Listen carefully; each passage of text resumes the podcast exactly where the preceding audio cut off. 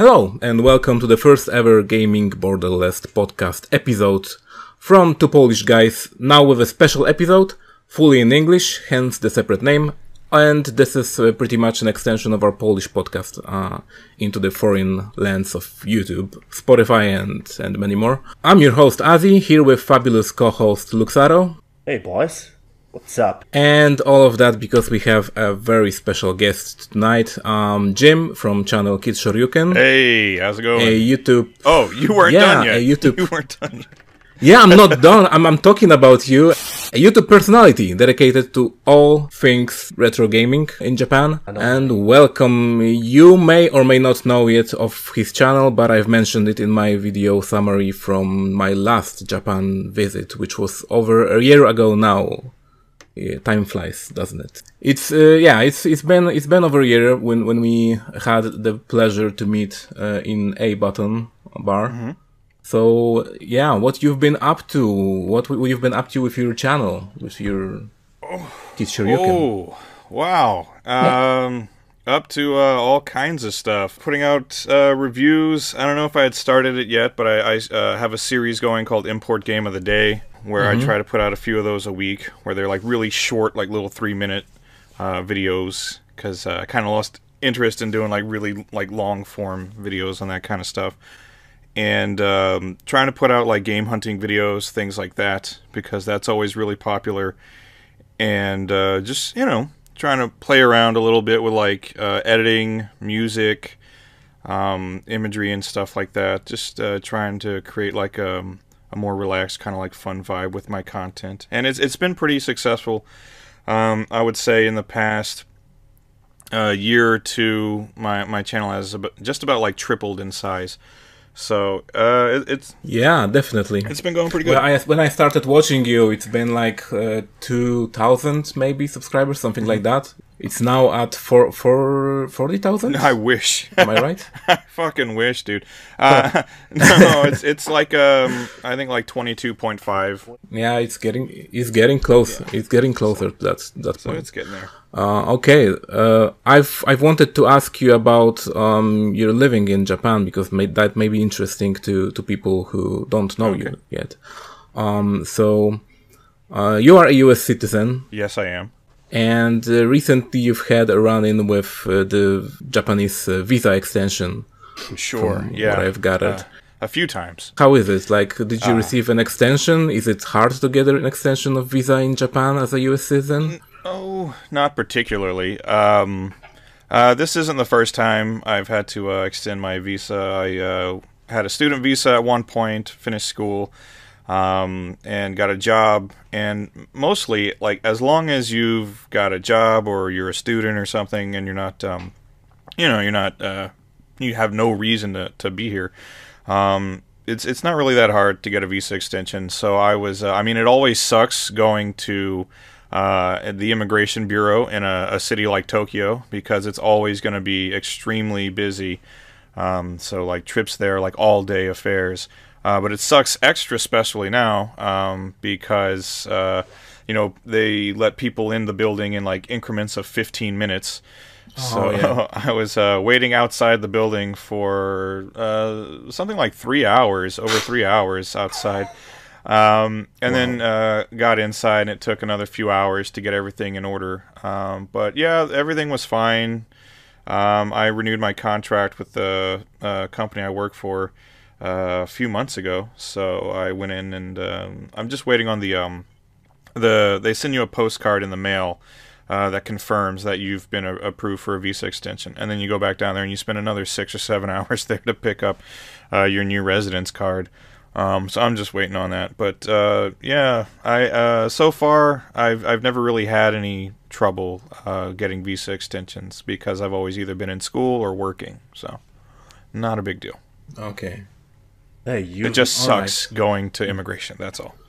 You've Oh yeah, definitely. I can imagine with the current COVID nineteen situation, it's probably Yeah. a pain in the ass. Uh, did they give gave you like some sort of beverages in the line or something? I mean, like it's No. going to be a long wait. No, they don't give you. They, Oh. they give you nothing. Um, they give you a, a number. Like uh, they were giving out little slips of paper, and it was like you're in group C. You can enter the building at three o'clock. So um, when the group before you leaves, that's when you kind of need to line up. Um, but the, the um, convenience stores around the immigration bureau uh, do a lot of business uh, because people are people are almost like yeah camping out in front of them. There are like a couple of Lawsons around. So you can go there and get like food and water and stuff. And then in the actual immigration bureau itself, there's I think like a family mart inside the building um, that you can get stuff from. But no, they weren't. They had like little tents set up so you could like sit under the tents if you wanted to. But they yeah they didn't have and you know and it was like the heat of like June you know so it was pretty Yeah. warm. But um, no, they were not handing out any kind of provisions. and those uh, Okay. those those kind of uh, situations apply to the entire uh, Tokyo and Japan. Uh, can you uh, tell something more? What's the current situation uh, about uh, re- revolving around the COVID nineteen situation? Um, well, uh, for Tokyo in particular and various other prefectures, they had declared states of emergency. Um, but that's not really saying much. Um, the the powers of the Japanese government are like very limited as far as like what kind of I guess restrictions they can enforce. They can't really enforce any restrictions, um, but they can just like encourage people to like not do certain things, you know. And for the most part, people will follow those rules because that's kind of the Japanese way, right? Is to sort of like fall in line and you know and uh, maintain order. Um, so when there was the state of emergency, yeah, for that little, it was like maybe a couple months or whatever, and I was working from home, and uh, so were most people. A lot of people still are actually, um, but it it wasn't every prefecture though, because there are certain parts of Japan that haven't really been im- impacted by this like at all, more like rural areas and stuff. Um, But you know, the state of emergency was lifted, and then they've considered like reinstating it, depending on like where the numbers go. Um, but uh, yeah, so far, I mean, I haven't really. I mean, there's no tourists, so um, that affects a lot of businesses and stuff. But it also, uh, I don't know, like it was a lot easier. It was far less cramped uh, than it's been in the past. Like going to like the busy train stations and things like that, and just seeing like almost nobody there, and always having a seat on the train and stuff like that. That was like interesting because it's never like that. It's always ass to crotch like every time you're on the train. So I don't know. That was pretty cool. Um, uh, but as uh, yeah, as far as I know, um, the situation is not as dire in Japan as it is in some other parts of the world, and uh, and I think a lot of that has to do with just the fact that Japanese people were already in the habit of like wearing masks and being very like meticulously like clean and almost like germophobic in a way, uh, just because. Uh, especially in like a place like you know Tokyo or maybe some of the bigger cities in Japan, um, people are in such close proximity to each other all the time that the possibility for the spread of disease, even when there's not a pandemic, let's just say it's just like the average flu season or something like that, Yeah. the possibility for the, the, the wide spread of that like really quickly is always there, and I think people here know that. That's why they're it's pretty typical for people to wear masks. That's actually a common uh, comment I've received on lots of videos that I've shot in public places. Is I'll see people in the comments like, "Why are there all these people wearing masks? Is there some kind of contamination? Is there something going on?" And I was like, "No, they're just extra cautious about getting or spreading." You know, sickness, and now uh-huh. everybody's like, "Oh yeah, that was a good idea to be doing that the whole time." yeah, exactly. So, yeah, it's pretty much everywhere in the world like that right now. And Yeah. for example, in in public transport in Poland, we have to wear masks right now too. And not everyone is, you know, following the rules. Like hmm. we we as a country have a thing for breaking the rules. Mm-hmm. Let's just say. So yeah, it's it's been a hard time to be honest. but yeah, but uh, in, in in Japan, it always struck me that that people were wearing masks, and and I pretty much adopted this way of living in in in Poland too. Uh, just because, for example, I every day when I was going to uh, my work, I was passing through the train station, which was filled with bums and you know all of those kind kind of people, and uh, it was really really smelly. So every time when I wore a mask, it was all cool. and fine and dandy. So that's why I think the mask is is, is, is a good idea. Well, I've also I've been developing kind of a double chin, so like wearing the mask is like convenient for that. Like I can cover that up, and it, that's oh, nice yeah. for me.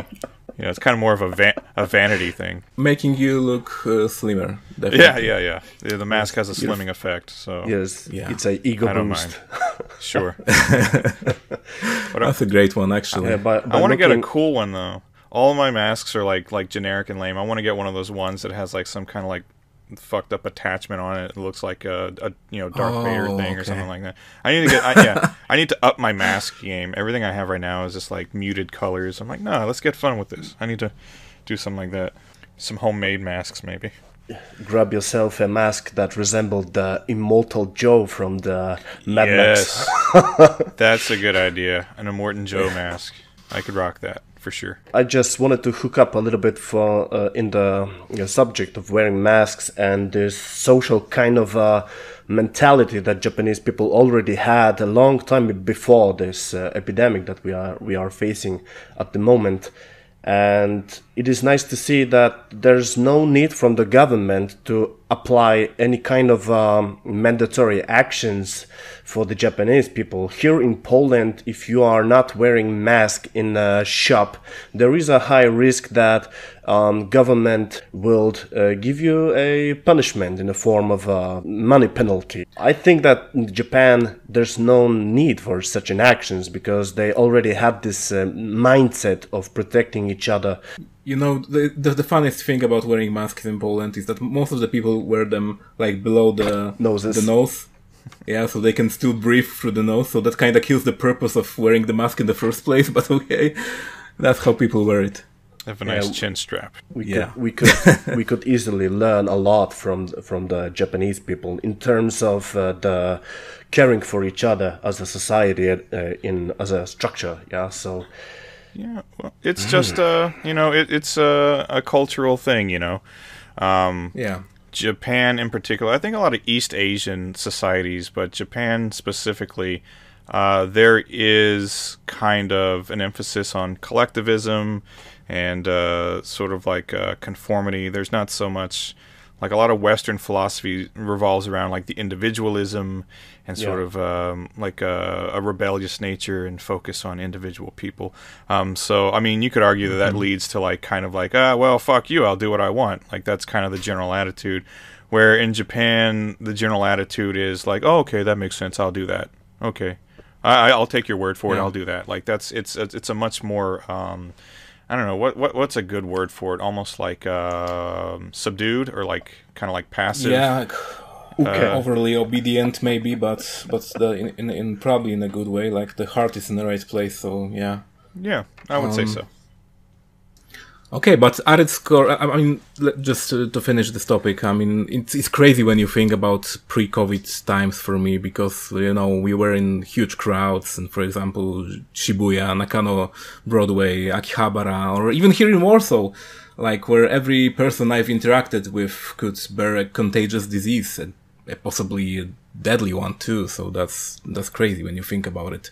Uh, like, after all this time. Yeah, yeah. I mean, I guess uh, I don't know. I, I worked in like hospitals and stuff for a long time, so I was always kind of hyper aware of uh, the the potential for like the spread of disease and stuff. So like whenever. Oh yeah, because you were in in the army, right? Right? Uh, yeah, as a was, medic. Yeah, I was an Air Force medic for like over seven wow. years. So I was uh, when this whole thing sprung up.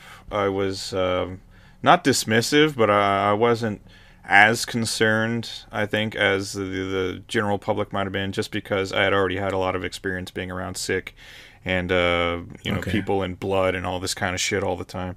So I was just like, I was like, so when this popped up, I was like, oh, that sucks. Oh well, what can? Oh well, do? it's just you know, another day in in modern Japan. Yeah.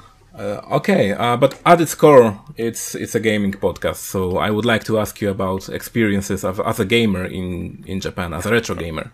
Okay. Um, what really struck you the most about gaming culture in in Japan, as opposed to the uh, U.S. culture? Because as we know, like for example, like Europe and uh, America, it's pretty much very similar in its uh, gaming culture, I think, like with the stores with used games. I know GameStops and stuff like that. We have them in Europe too. So maybe that's similar. But what is what was the most um, what struck you the most about um, Japanese way of gaming? Let's just say.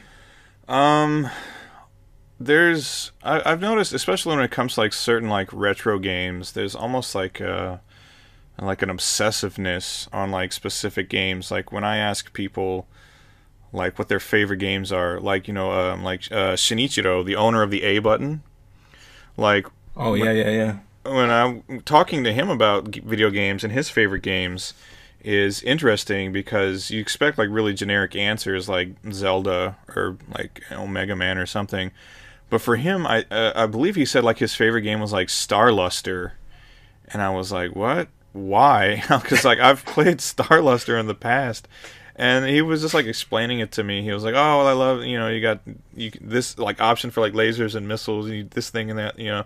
And just I I've noticed that with a lot of Japanese gamers is especially with like arcade gaming and, and things, and especially um, I watch uh, a lot of the streams from uh, the Mikado uh, YouTube channel, the arcade here in uh, Tokyo, Mikado. Um, they're well known for being like a great like retro game arcade and having lots of uh, fighting game tournaments and stuff. And they stream okay. like all the time, and it's just so interesting to watch. They'll stream some kind of like more like uh, I mean uh, some oh, it was some, one of the games in like the uh, the Ray series the other day. It was like uh, Ray Force or Ray something or other, but uh, they always have someone there that is just like a master of whatever like random game. And uh, i like that about a lot of japanese gamers is like they're a lot of them are not happy unless they've like totally mastered something. Like i've sat and watched people in arcades like beat like r type with like one hand. You know like they just they they know it so well. They know the positioning of everything. So and i don't know if they could play any other game like that. But for whatever reason it is like r type stuck with them. So they're just like godlike at r type or you know they'll be like so un just untouchable at a specific fighting game or or something. And so I think that's something about uh, a lot of Japanese retro gamers in particular is I think like in North America and Europe, um, especially within like the past ten years or so, there's been like a huge emphasis on collecting, right? Um, yeah. Game collecting is more the thing, and you'll hear people talk all the time about like shelf padding, and I've got all these, you know, a million games I've never played or anything like that. Um, but usually like uh, a lot of, especially when i watch japanese gaming channels most of them are uh, a lot of gameplay a lot of like uh, no death run of this or or uh, you know live streaming this and you know so it, it seems like there's way more focus on mastery of yeah. like certain games as opposed to just like there are some channels like uh, fujita um, he's on, like way on the other end of the spectrum though like he has like an obsessive almost like unhealthy obsession with like game collecting. If you've never seen a channel called Channel Fujita, um, it's almost like he's no. like a, a hoarder. Um, they've done a news story on him where it's just like it, it, it's insane. And I met him once at a like an arcade gaming convention, and he was there playing Pong. And uh, you know we had a, a chat with him, but yeah, um, so he's kind of a special case. But if you watch a lot of Japanese gaming and retro gaming channels, you will notice a theme of um, more of a focus on like gameplay and mastery of games as opposed to like having you know amassing the biggest collection you know? I think that's that's um, a, a, key difference between gaming culture in north america versus japan. All right. Uh, for me for example it was the biggest difference with uh, especially recently with uh, vtubers so like yeah. girls that were using the software to render themselves in in the in this 2D or 3D form, mm-hmm. and you know playing games like being a completely different character than probably there are they are in in the private life. Yes. Uh, so that's something different those are really those are interesting and funny to watch sometimes. I like the juxtaposition of those characters where they'll be like this really cute character, but they're like playing like GTA Five and just like yeah, exactly. people and just saying crazy psychotic shit. How dare yeah. you disrespect me? I'll murder everyone. Uh, I'll cleanse you. Or you know, just like. You know? Repeating the N word in, in the most cutest cutest way possible, yeah, like yeah. innocent as as fuck, yeah. So or just that, run yeah, around, fuck you, fuck you, yeah, fuck you, murdering everyone in sight. Um, so yeah, that's always fun. And like a, an interesting story is um, when I was interning at a production studio in uh, Roppongi, we were going and shooting all kinds of different stuff for uh, Allied Press in Europe. And one of the events we went and shot a story on was a VTuber concert. So there there was this uh, J-pop VTuber group. So they do everything mocap, and then their little, you know, sort of like 3D anime avatars, um, you know, do all the dancing and singing yeah. and everything. So it was this very popular VTuber J-pop girl group. So we went to this concert to shoot it, and it was weird because like the, screen on the stage, and you got the VTuber girls on it. You got this audience full of people, and they're doing their glow stick things and all kinds yeah. of shit like that. And uh, that was just like a really trippy kind of thing for me because I'd never seen anything like. That. I didn't even know what we were doing. Like I just showed up for work that day just anticipating like uh, oh what are we gonna do today we're gonna go shoot like a car show or something and they're like no we're going to this fucking like vtuber i was like what the hell is that and then i get there and i see all this shit and i'm just like what the fuck is this that was how i learned about how i learned about vtubers uh, i got broken that day watching a, a vtuber like sycophantic concert so that was fun. Yeah. That that changes that changes people definitely. Yeah yeah. I, I, I didn't walk out of there the same man. Culture yeah. cultural impact it is called. Yeah. Yeah. So. Okay um are there any arcade cabinets that you just can't walk by without playing or wishing to have time to play them yeah, in japan? that's a good question. Um uh, I will usually sit down to play a game of Street Fighter 2. Um, whenever, like just last night, I was in Shinjuku after work and I was waiting for my girlfriend, and she lives in Saitama so I had to wait a little while for her to get here. So like, oh, now we know why you're in Saitama so often. Yeah, okay. yeah. I've been going uh, every, like probably like every other weekend. I'll go and stay at my girlfriend's house there. Um, okay, great. so just waiting for her last night, uh, I was kind of bored. Um, so I went to I think it was like a Taito station, and like in the uh, second basement, they have a bunch of fighting games. So I just went down there and just sat down and played uh, some Street Fighter 2 um, or shoot 'em ups um, because uh, those mm. are just so you can just sit down and like play a couple games, die, and then just walk away. So it, it usually like you know Dodonpachi or uh, Death Smiles or something like that, like cave shooters and things like that. Those are usually I'll sit down and uh, play a quick game.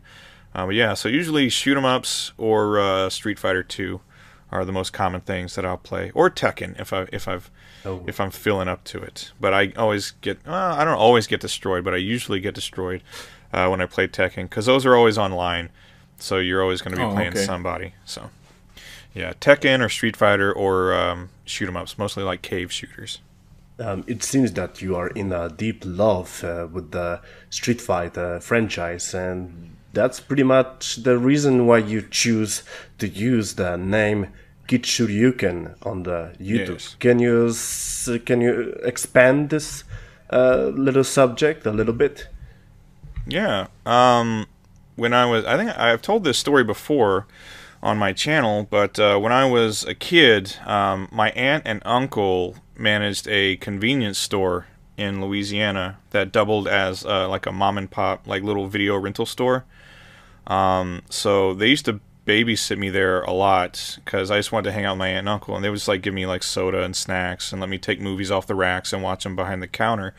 And eventually, they started to get arcade cabinets in the store uh, just to bring in some extra money. And I played like a bunch of like whatever would come in. They would usually just give me some quarters to go play it just to occupy me.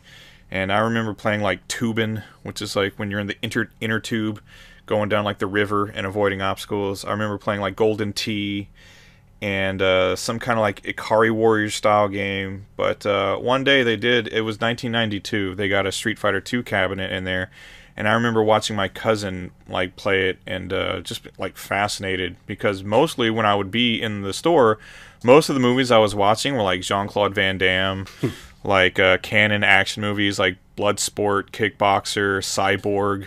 Uh, all those terrible movies and um, stuff like that. So uh, oh, and the American Ninja series yeah. of movies. Uh, yeah, those were I I watched those so many times. Uh, so I would basically just sit there in a convenience store, um, just all day eating snacks, drinking uh, cream soda, and watching uh, cheesy action movies behind the counter. And so watching like a video game where people are fighting, you know, I was like six years old and uh, I'd never seen anything quite like that before. And like watching him play, it was like fascinating.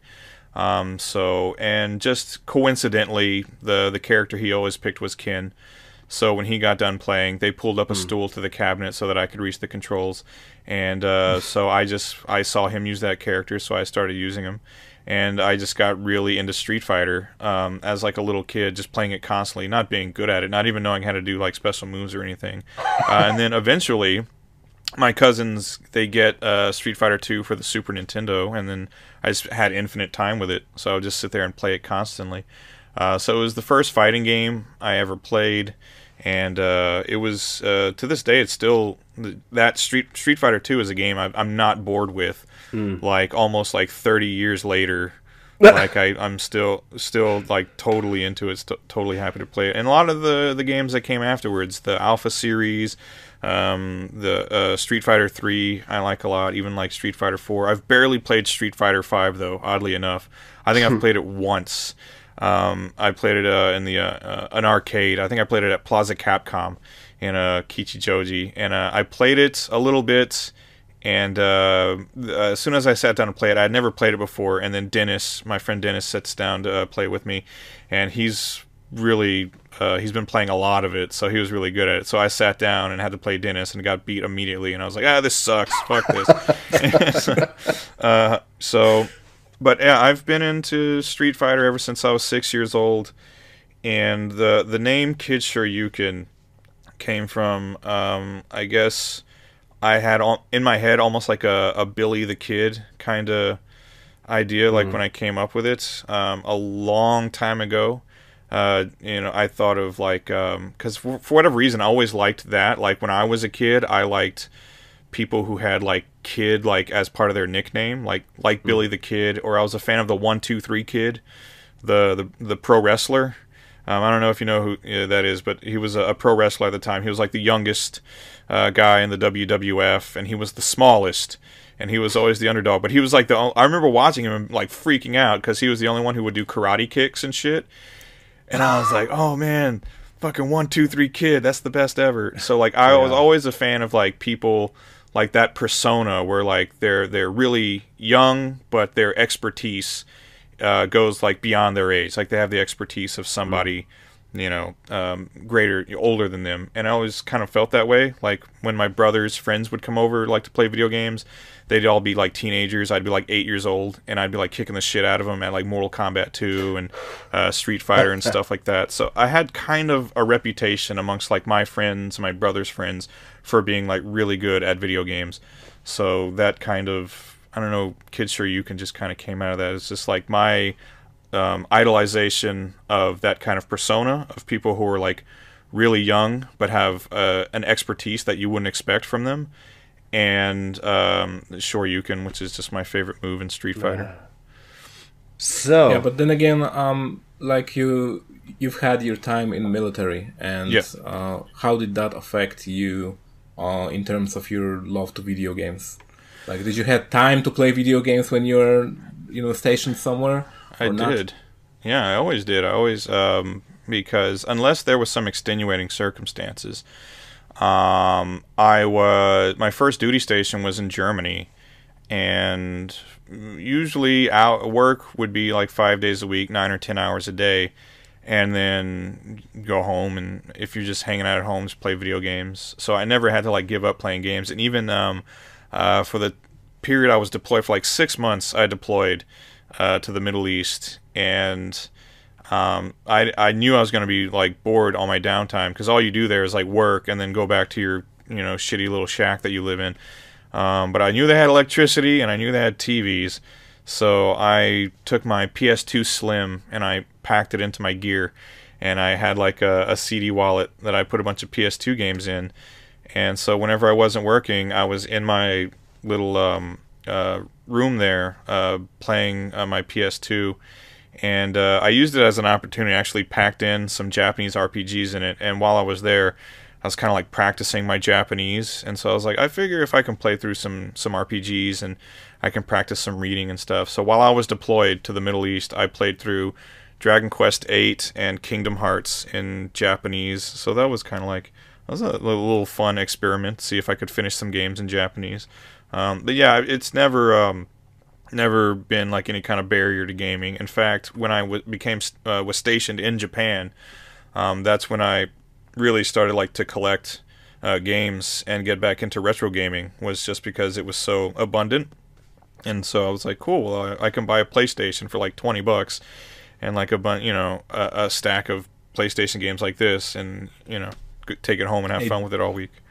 A dream of every collector is to return to those times when retro games weren't like more expensive than the new releases, yeah. yeah, because um, I think the first time I started to collect games, uh, I was a teenager, and I was working at a uh, Walmart, and uh, with all of all my paychecks, I was basically just going to eBay and buying video games that because um, I grew up reading like a lot of video game magazines and seeing stuff that like looked really cool at the time, like stuff that was advertised well, like uh, the 3DO and the 32X and the Sega CD and all that. So um, I bought all that stuff on eBay. So like when I was like 18 or 19, I had a big collection of like 3DO games and um, things like that. And all that stuff is still like in storage somewhere in the states. So I, yeah, I was collecting games a little bit before I went in the military.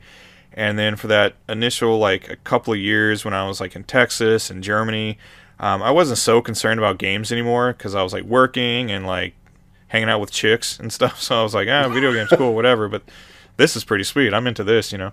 Um, yeah, when I when I came all, to Japan though, we all fell for that.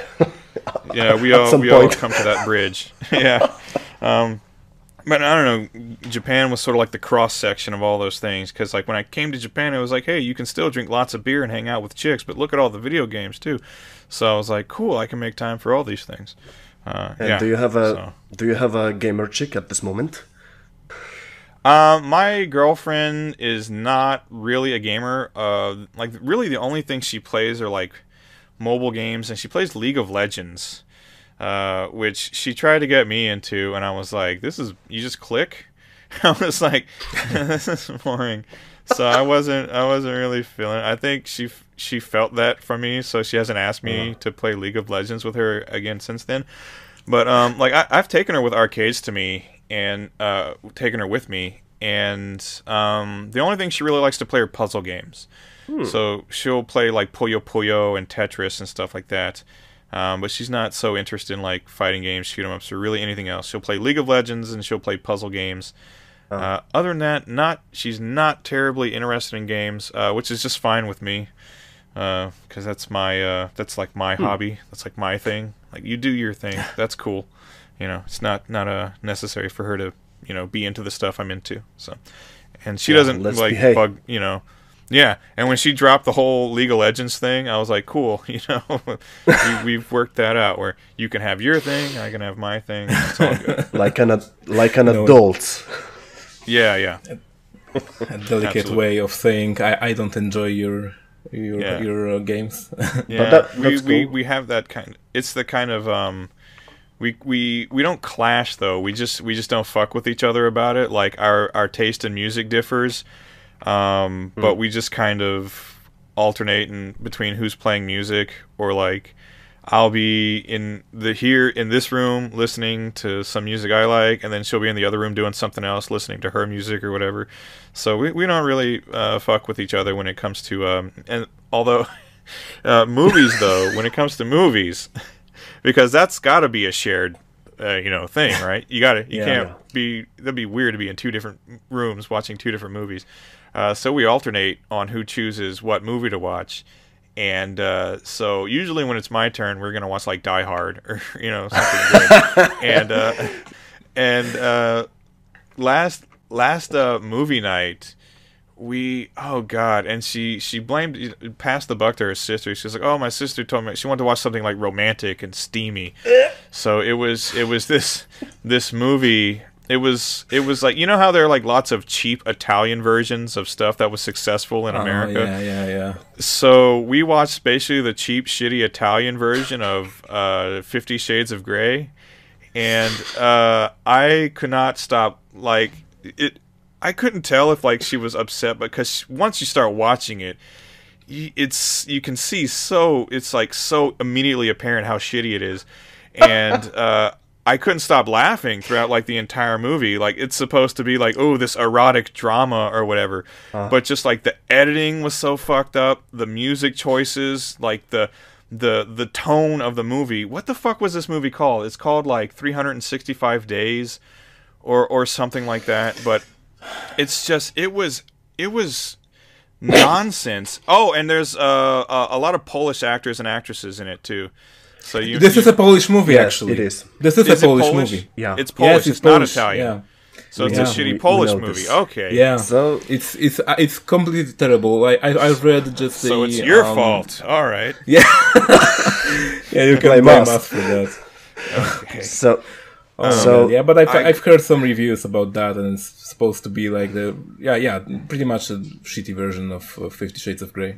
I couldn't stop laughing because the the tone was all over the fucking place. Like it, it, it like on It's one on Netflix, scene- probably. Yeah. Yes, yeah, we, we, we watched it on Netflix, and uh, it's just they'll go from the the lead guy like just murdering someone to him like trying to be like sympathetic, and but he's also he's he's clearly a rapist. He's like. He's is cold blooded murderer. Like he tortures a dude at one point, but then later he's like, "Teach me how to love, teach me how to be gentle." I'm like, "You just killed like three dudes and you raped somebody." he's just he just I don't know like I I couldn't um I couldn't stop laughing uh, several times in the movie he violently face fucks women just like out of nowhere it just sort of like happens you know he's just like they're in a plane and he's like uh excusi you know and I'm, I'm gonna go over here real quick. And then he just grabs like a flight attendant and just face fucks her. And and that's the scene. And it's hilarious because the editing is just so and it comes out of nowhere. It's just like i don't know. I was not expecting uh what i got from that movie. So yeah fuck. one weekend we watched die hard. The next weekend we watched 365 days. And uh, so the- we got to the- work on the- our we got to balance out our our, The- mu- the- our movie choices it, it sounds like a Polish mo- movie when you're trying to just uh, randomly face fuck someone, and if yeah classic polish move after it, does your girl wanted you to change your toy collections? yeah yeah sure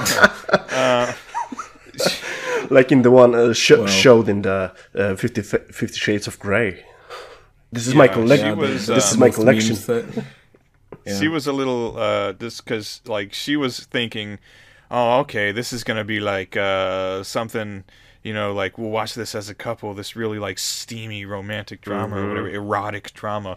And we watched it and it was just like awful and uh f- funny in a really ironic way. And it doesn't even go 365 days by the way. Spoilers. Uh, it's like they should have named it two months because like that's that's as far as the movie. They so I don't know why they they call it 365. Like the the guy kidnaps the woman and he's like, "You have 365 days to fall in love with me," or you know something or other. And uh, so they're trying to do like a Beauty and the Beast type thing. But imagine if like the Beast like raped people and like killed them and shit, and they just showed it graphically in the movie. And then Belle is supposed to fall in love with him. So he gives her uh, they're, 365 they're setting days. up for for uh, for it for the sequel. Uh, Yeah, jokes, oh, on, yeah, yeah. jokes on us. Yeah, the continuing adventures of um, whatever the fuck his name is. He's gonna say, find, just find another person to do horrible things to. That'll be the sequel. The next 365 days. So yeah, that was a tangent, but yeah, so that's how we share things: movies, music, hobbies, things like that. All right, ju- just to go back to the uh, gaming and Again. Let, let- let go. Oh, of yeah, Pol- right. Shit, shitty Polish Polish movies.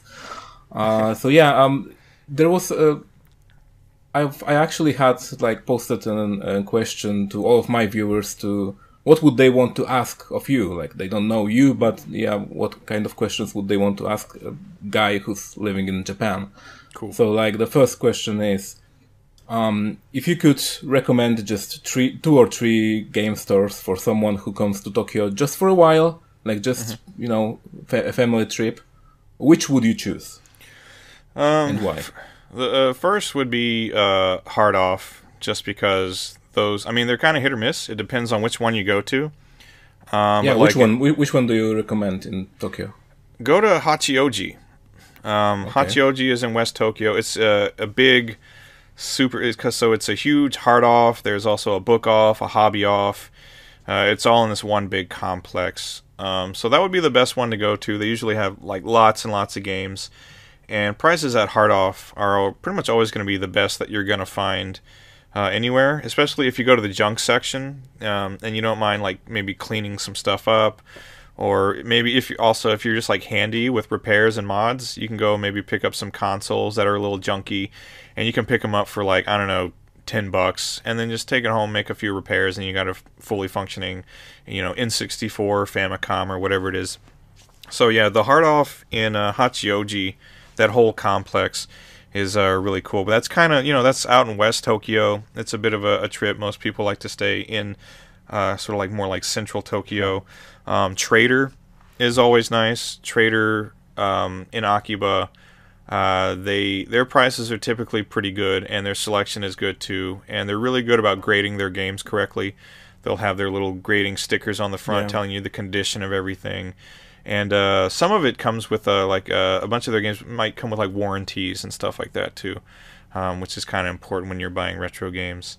Uh, so if you're going to be around for like a little while, like uh, a few weeks or something, you know, if you want to go home that night and test everything out, if something didn't work, you could return it if you wanted to. Um, so yeah, that hard off trader, and then um, um, maybe also uh, Surugaya. Um, is similar to Trader in that way, where their prices are usually pretty good. It's not because uh, places like Super Potato or Mandarake um, or Game Camp, uh, they always have like uh, big selections, but their prices are usually pretty high. Uh, Trader and Surugaya are usually more reasonable. Um, so you can usually find good stuff there. And again, they're good about grading things correctly, and they're good about giving warranties on things. And uh, their online store is pretty good too. I know a lot of people like to order from their online stores. Uh, so yeah, that's what I would recommend. Uh, the big hard off complex in Hachioji, if you were only going to go to one. Uh, Trader in Akiba, and then uh, Surugaya, which there are Surugaya locations in Akiba and in Shinjuku. The one in Shinjuku is really nice in the uh, Marui building. Um, so yeah, those would be my uh, three recommendations. Okay, I'm kind of surprised that you didn't recommend uh, the retro game camp and retro ga- game dungeon because uh, I've actually I've actually had the best the best purchases when it comes to consoles there. I don't know why. Uh, just because, for example, like they clean all of their stuff and they put the stickers that they replaced the battery inside of the console and stuff like Yeah. that. That's great. So you, you're sure that, for example, buying a Saturn, that the battery for saves is going to work. So that's good. That, that's good. And also, like the, the Saturn, I don't know. Maybe maybe I overpaid. Maybe I'm gonna know right now that I've overpaid. But Saturn was like five thousand yen, and that's- I also good. I also bought Super Famicom, which was uh, twenty five hundred yen. Okay, yeah, that's Like really full, good actually. Full full setup. So and also with the uh, European AC adapter, so that was great too. Nice. Uh, I I mean, Game Camp. Usually, when I go in there, though, um, they some things they'll price okay. Other things will be like wildly overpriced. Like especially like some of their, especially when they have like boxed Super Famicom Oh, yeah, games and yeah, things. yeah. Like they'll sell like copy like the Dragon Ball Z games on Super Famicom, like Super Butoden. They're like almost like almost like three thousand yen for it when it should at max be like a third of that. Um, so usually when I'm in there, the only stuff I'll buy, and that is nice that you you know you pointed out that they replace batteries and and um, cartridge games and things like that. That's really cool. I do appreciate that.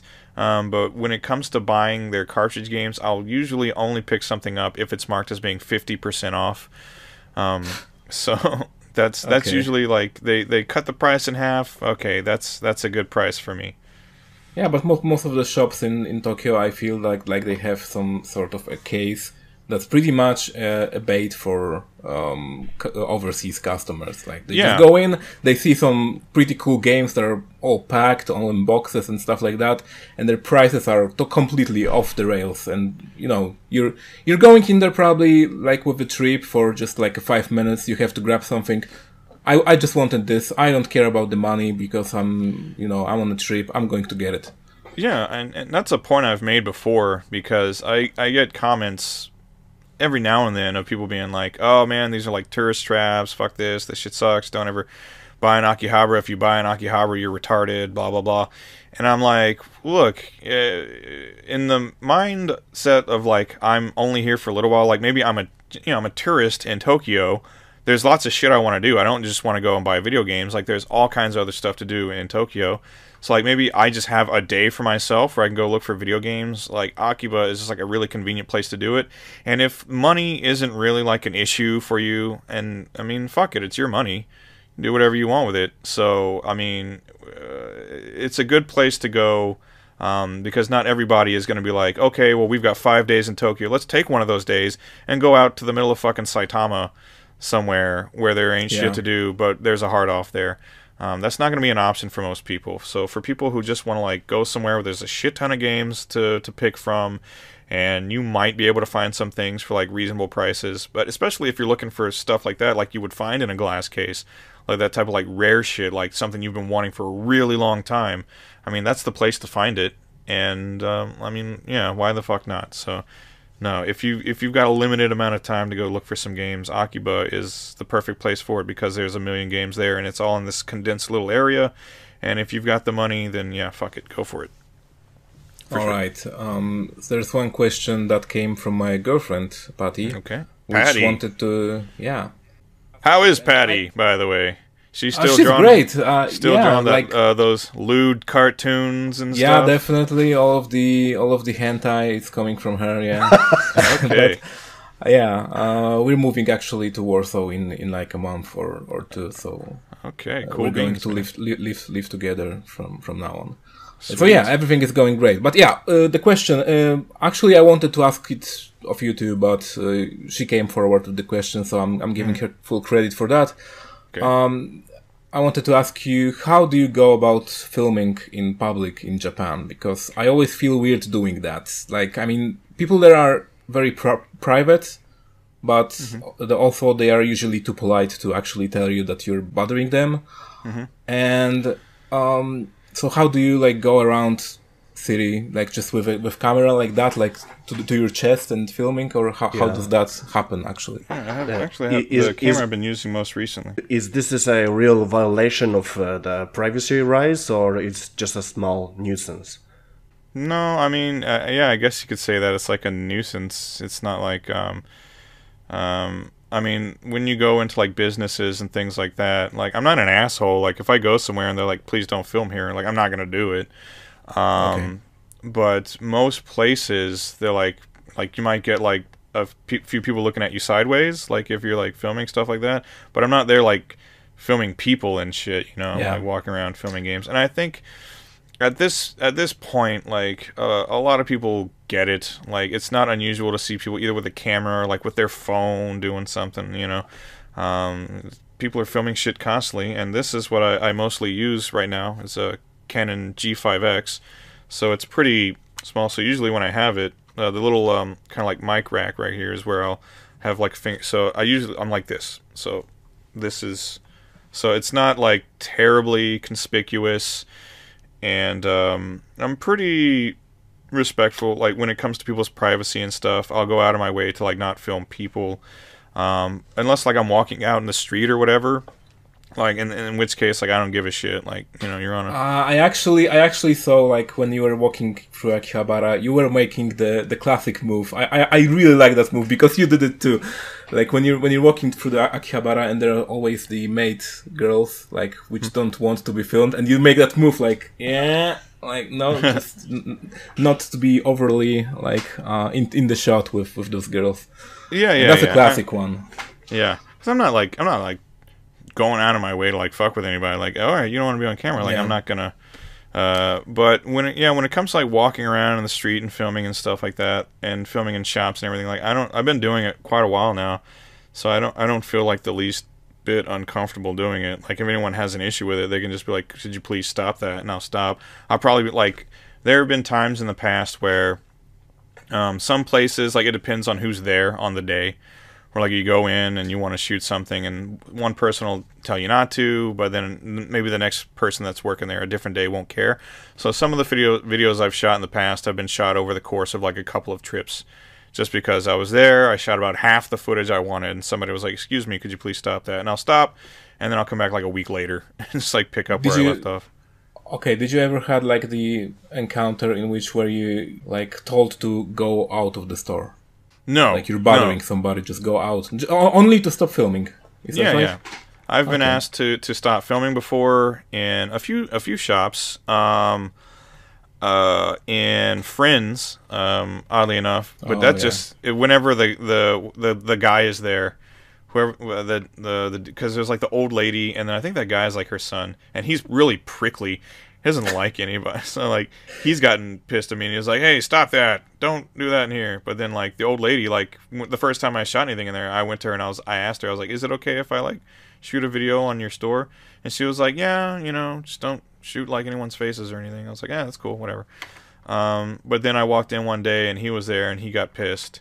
Um, or this other place, what the fuck is it called? It's a place where they sell like our only like exclusively like arcade stuff, like um, Oh, uh, beep. not Was beep. the beep? Although beep, they don't want you filming in there either.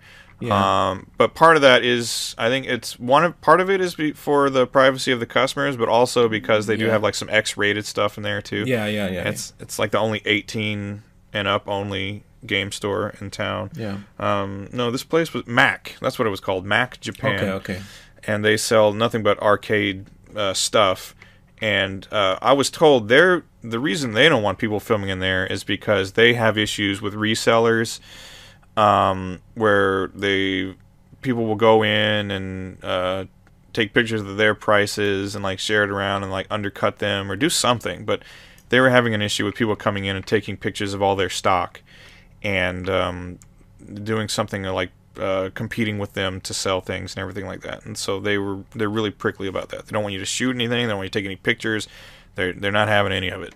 Um, and I think maybe like once or twice at like maybe a book off or a hard off, um, people have asked me to stop, but nobody's ever like asked me, you know, like get out of the store or anything like that. And then what's funny is the last one I was in in Saitama, um, while I was um, walking around shooting and stuff, like I could hear the two guys working there, like over, like they're like, "What is he doing? Why is he doing that?" I don't know. They're like, they're talking about it, and I was like, um, so they they saw me and they were like kind of confused by why I was doing it. There wasn't really anyone else in the store or anything, so they didn't really give a shit. um, but they were luck good on them because as soon as I was done, I put my camera away and I bought like thirty thousand yen worth of video games. Uh, so I think they were pretty happy about that. Um, yeah, so some people will see it and they'll be like, "What?" They'll have a look on their face or like, "Why the fuck is he doing that?"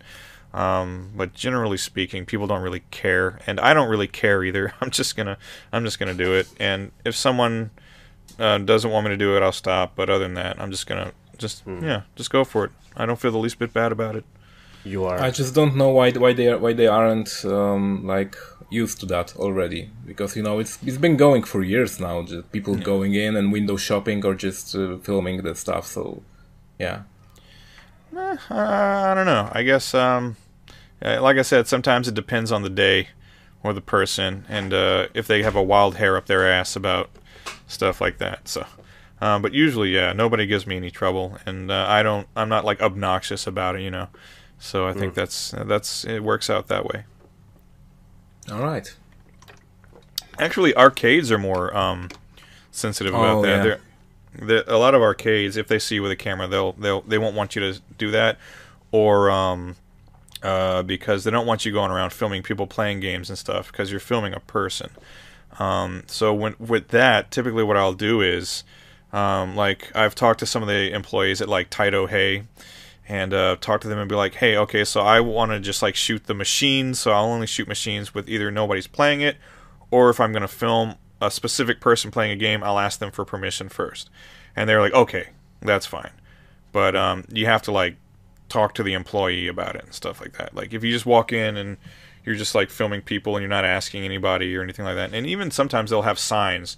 They're like, if you're gonna film a player, ask them first for their permission to film them. Oh, politely. So um, yeah, so that it's a different a different thing when filming in arcades. Um, but usually, as long as you ask for people's permission to film them specifically, or if you're just filming the machines, or if you're filming yourself playing, um, they yeah they typically don't care too much about that. Oh yeah, going the going back to the topic of what struck me the most, what struck you the most about uh, gaming in Japan, weren't you like um, weirded out about people smoking in uh, in places like arcades, for example? Um, not not really. Just because I already spent like a lot of time in bars and uh, you know places where people smoke and stuff. I didn't really care. I grew up around all like all my cousins smoked. I um couple of my brothers and sisters smoked stuff. So like I grew up, and then when I was a teen, I used to smoke like a shit ton of weed. Remember that he was uh, in Louisiana, so Yeah, so probably Yeah. he grew up in the smoking that Louisiana grass. Yeah, Yeah, yeah, and then um, and then also just I used to smoke cigars as well. Go out with uh, the guys and go to cigar bars and shit, and uh, yeah, so I used to you know smoke stogies and drink whiskey and shit and get off work. So like I don't give a fuck about smoke. Um, so no, I wasn't weirded out by it, and uh, you know some arcades they'll have an ashtray at every yeah. every uh, cabinet, and that's fine. If you want to smoke, smoke. Like if I had a problem with it, I'd leave. Like I'm not gonna ask you to stop smoking. I just won't come here anymore. Um, and then there are some arcades where there's no smoking, so it's like you know, it's not like there's any shortage of arcades to go to in Tokyo. So if you go somewhere you don't like the fact that people can smoke, go to a different arcade. Um, but no, I never cared about that, and it was never a big deal to me. Okay. Um, yeah, about living in Japan, what was the weirdest situation or weirdest encounter you've ever had with a Japanese person? Because there are usually a lot of them, especially in big cities, not only in, in, in Japan, but what was the weirdest encounter with a Japanese person in, in Japan for you as a gaijin? or uh, perhaps we should uh, ask what was the mo- most fucked up story which you took a main role. Uh, oh yeah, that could be a good one too. Um, well, the one time, well, the thing is, when I was in the military, um, there was an area not far from the base that was known as Bar Row. And that was where a lot of like uh, off-duty military people would go to like you know hang out and get shit-faced, and there were a lot of clubs and bars and things, and there was a yakuza contingent there, and you know, so there are places that you know you don't go into them. Usually, a place you know with the dude standing out in front, you know, you don't go in there. And uh, I used to hang out there a lot. Like um, my favorite live house is there. This place I, I used to go to watch a lot of live music and then do a lot of drinking. I actually met uh, a lot of people there, and uh, some people that I'm still friends with now and actually shot a, a video on it when I was in college. Uh, shot like a little, almost like documentary style video about the bar and the area. So I still, I still go down there sometimes just for like nostalgia. Um, but yeah, that whole area was, um, it was always kind of. I mean, there were times where like you couldn't go there. Period. Like the commander of the base would be like, okay, nobody's going to this fucking area, or you can't be there past like midnight, or you know, there are always some kind of restrictions in place. Um, because shit would always fucking happen. And uh, one night, uh, I was there with some friends on um, a night, and there were like no restrictions at all, so you could just be there like whenever you wanted to be. And um, on this particular night, it was me and this chick I was with named Natsuki, and my uh, a friend of mine, Rodney, and his girlfriend. I think her name was Yayoi, and um, we were all hanging out together like all night. And it was like two or three in the morning, and we were uh, walking back, and that same bar, the Live House, they were having a reggae party that night, and they had a grill out in front of the bar where they were like grilling jerk chicken and stuff and selling it. And so we saw that and we are like, "Oh, cool, man! Let's go get some chicken." So we just we're just hanging out in front of the bar, and all of a sudden these like three drunk middle-aged uh, yakuza type Japanese gentlemen came over and kicked the grill over and started to get really uh, physically violent with uh, the staff of the bar. And then the owner uh, of the bar, uh, what the fuck is his name? Uh, oh fuck, I forgot his name. He comes out and he was like, he's this old man, dude. He's like old as fuck. He's like an old hippie too. He's like the nicest guy ever. He comes out and he's like, "Hey man, what's going on?" And they're like, "Fuck you, buddy." And they're like, and so we're we have this thing in our head where it's like, on one hand, we're constantly told, "Look, if you see uh, something going on with locals, stay out of it, because once you get involved, the narrative is." American GIs are fucking up and doing so they're like if you see it don't fuck it, don't get into it. At the same time, it's like three in the morning and we're wasted, and uh, so you have those conflicting things. And there was um, another dude that had come up in the interim to to talk to us. It was this dude that knew Rodney, this dude that worked with him. So they're talking, and this particular gentleman was very large, a very large Mexican gentleman. Like, obviously spent a lot of time at the gym. He had had quite a bit to drink and so he he spoke up. He said something. He was like, "What the fuck are you doing?" And so like that turned their attention to him, and it was really stupid of this man to try to. This dude was like twice the guy's age and like half his size, but he was getting tough with him. And so you know he's like, "Hey, I'm sorry, I'm sorry." He's like backing off. He's trying to be diplomatic about it, but the little man starts trying to choke him. So he just scoops him up, plants him on the ground, like hammers him a little bit, uh, beats the fuck out of, splits his head open. If I'm being completely honest, and then he realizes what he's done. He's like, "Oh fuck!" and he just runs away. like, but this was enough. They had like a little this wormy little dude with him. He was like a little snitch following them around. so when he saw their friend get fucked up, he he runs around the corner to go like get more people. Uh, at the same time, um, this dude and his chick are standing there, and uh, she's got her phone out filming it and one of the Japanese dudes slaps her phone out of her hand. So she punches him in the fucking nose, and then he goes like he's gonna go after her, and then her boyfriend, who like these are all like young like GIs, they're all like mountains of fucking men. so it's like he just then you know he steps in between them, and that turns into a thing. So at the same time, we're all okay. Fuck it, we'll go down to the end of the street because there's a club down at the end of the street called I think it was called Crunk, and it was like a hip hop uh, club. So, and usually what would happen at the end of the night, people kind of like pile out in the club and they're just hanging out in front. So we go down to the end of the street where everyone else is hanging out. It's all the, you know, it's a, a gathering of Americans down there. So we go down there and we're like, dude, shit's getting fucked up. Like, uh, I don't know, there's like a race war brewing over here or something. I don't know. And so they're like, what? So in that time, a whole bunch of these uh, Yakuza dudes, they run back down to that bar where everything had popped off and they're like, well, who, the, who they're like, obviously like, who the fuck what? They're looking for somebody to, you know, fight with. At that same time, like three just like random white dudes who had no idea what's going on. They're just like walking down the street, and then all of a sudden they're being accosted by like half a dozen Japanese men. And when we saw that, we're like, oh fuck. So it's just like a wall of dudes running down the street, and it just turned into like this big crazy fucking brawl, like this big fucking like thirty man battle royal and uh, the shit was crazy. Um, uh, a lot of these, everybody was fucking wasted. Um, this one, this one fucking dude, uh, this Japanese dude, fucking, he was stumbling around with a brick in his hand, just like. And I remember, I was like, uh, out of everyone there, my Japanese was probably the best. So I remember my like my friends Kevin and Lewis coming up to me like, because he's like walking around. I think our friend Sean had like fucking hit him and then I remember him running down the street laughing, like ah, like laughing hysterically because he had just like like annihilated someone, and he's running away.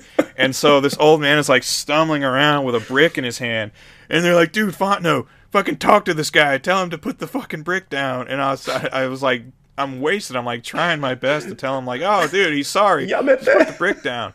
Um, so this is all. It's all just going fucking nuts. It, it's like just but you know, bodies everywhere fighting and shit. And the Japanese cops show up initially, and they they suck. They're like really ineffectual. Like they showed up on their bicycles, and they didn't have any. All they had were their like their whistles, and the, and so and it was obvious that they were really scared of these yakuza dudes because they ran up. They once they assessed the scene, they immediately um, come to the conclusion that we're the instigators. We're down there like causing trouble. So they come. They're like trying to restrain us. So meanwhile, there's a man standing behind him with like a fucking bludgeon in his hand, like screaming like a madman and yelling at the cop not to talk to us and don't listen to anything we say. And we're like, dude, we're not we're not the aggressors here. And then uh, a guy com- comes up and he wasn't in the military at all. He was just an American dude that was hanging out down there. And uh, I'll never forget his exact words. He goes, "I don't know if y'all are base niggas or not, but when them SPs show up, y'all better get the fuck out of here." So we're like, "Oh shit, he's right." What are we gonna do? And then eventually, cops from the base, when they get wind of what's coming going on, they come down, and they're not Japanese cops. They're the SPs from the airbase. So they get out of their fucking cars. They're strapping like M4 assault rifles and shit. So things calm down real fucking quick at that point. seems that um, Everyone sobers up. it seems Yeah. it seems that So- you are you are living in a life full of violence. Did you manage to did, did you did you ever manage to pull up a real badass Shoryuken on somebody in Japan?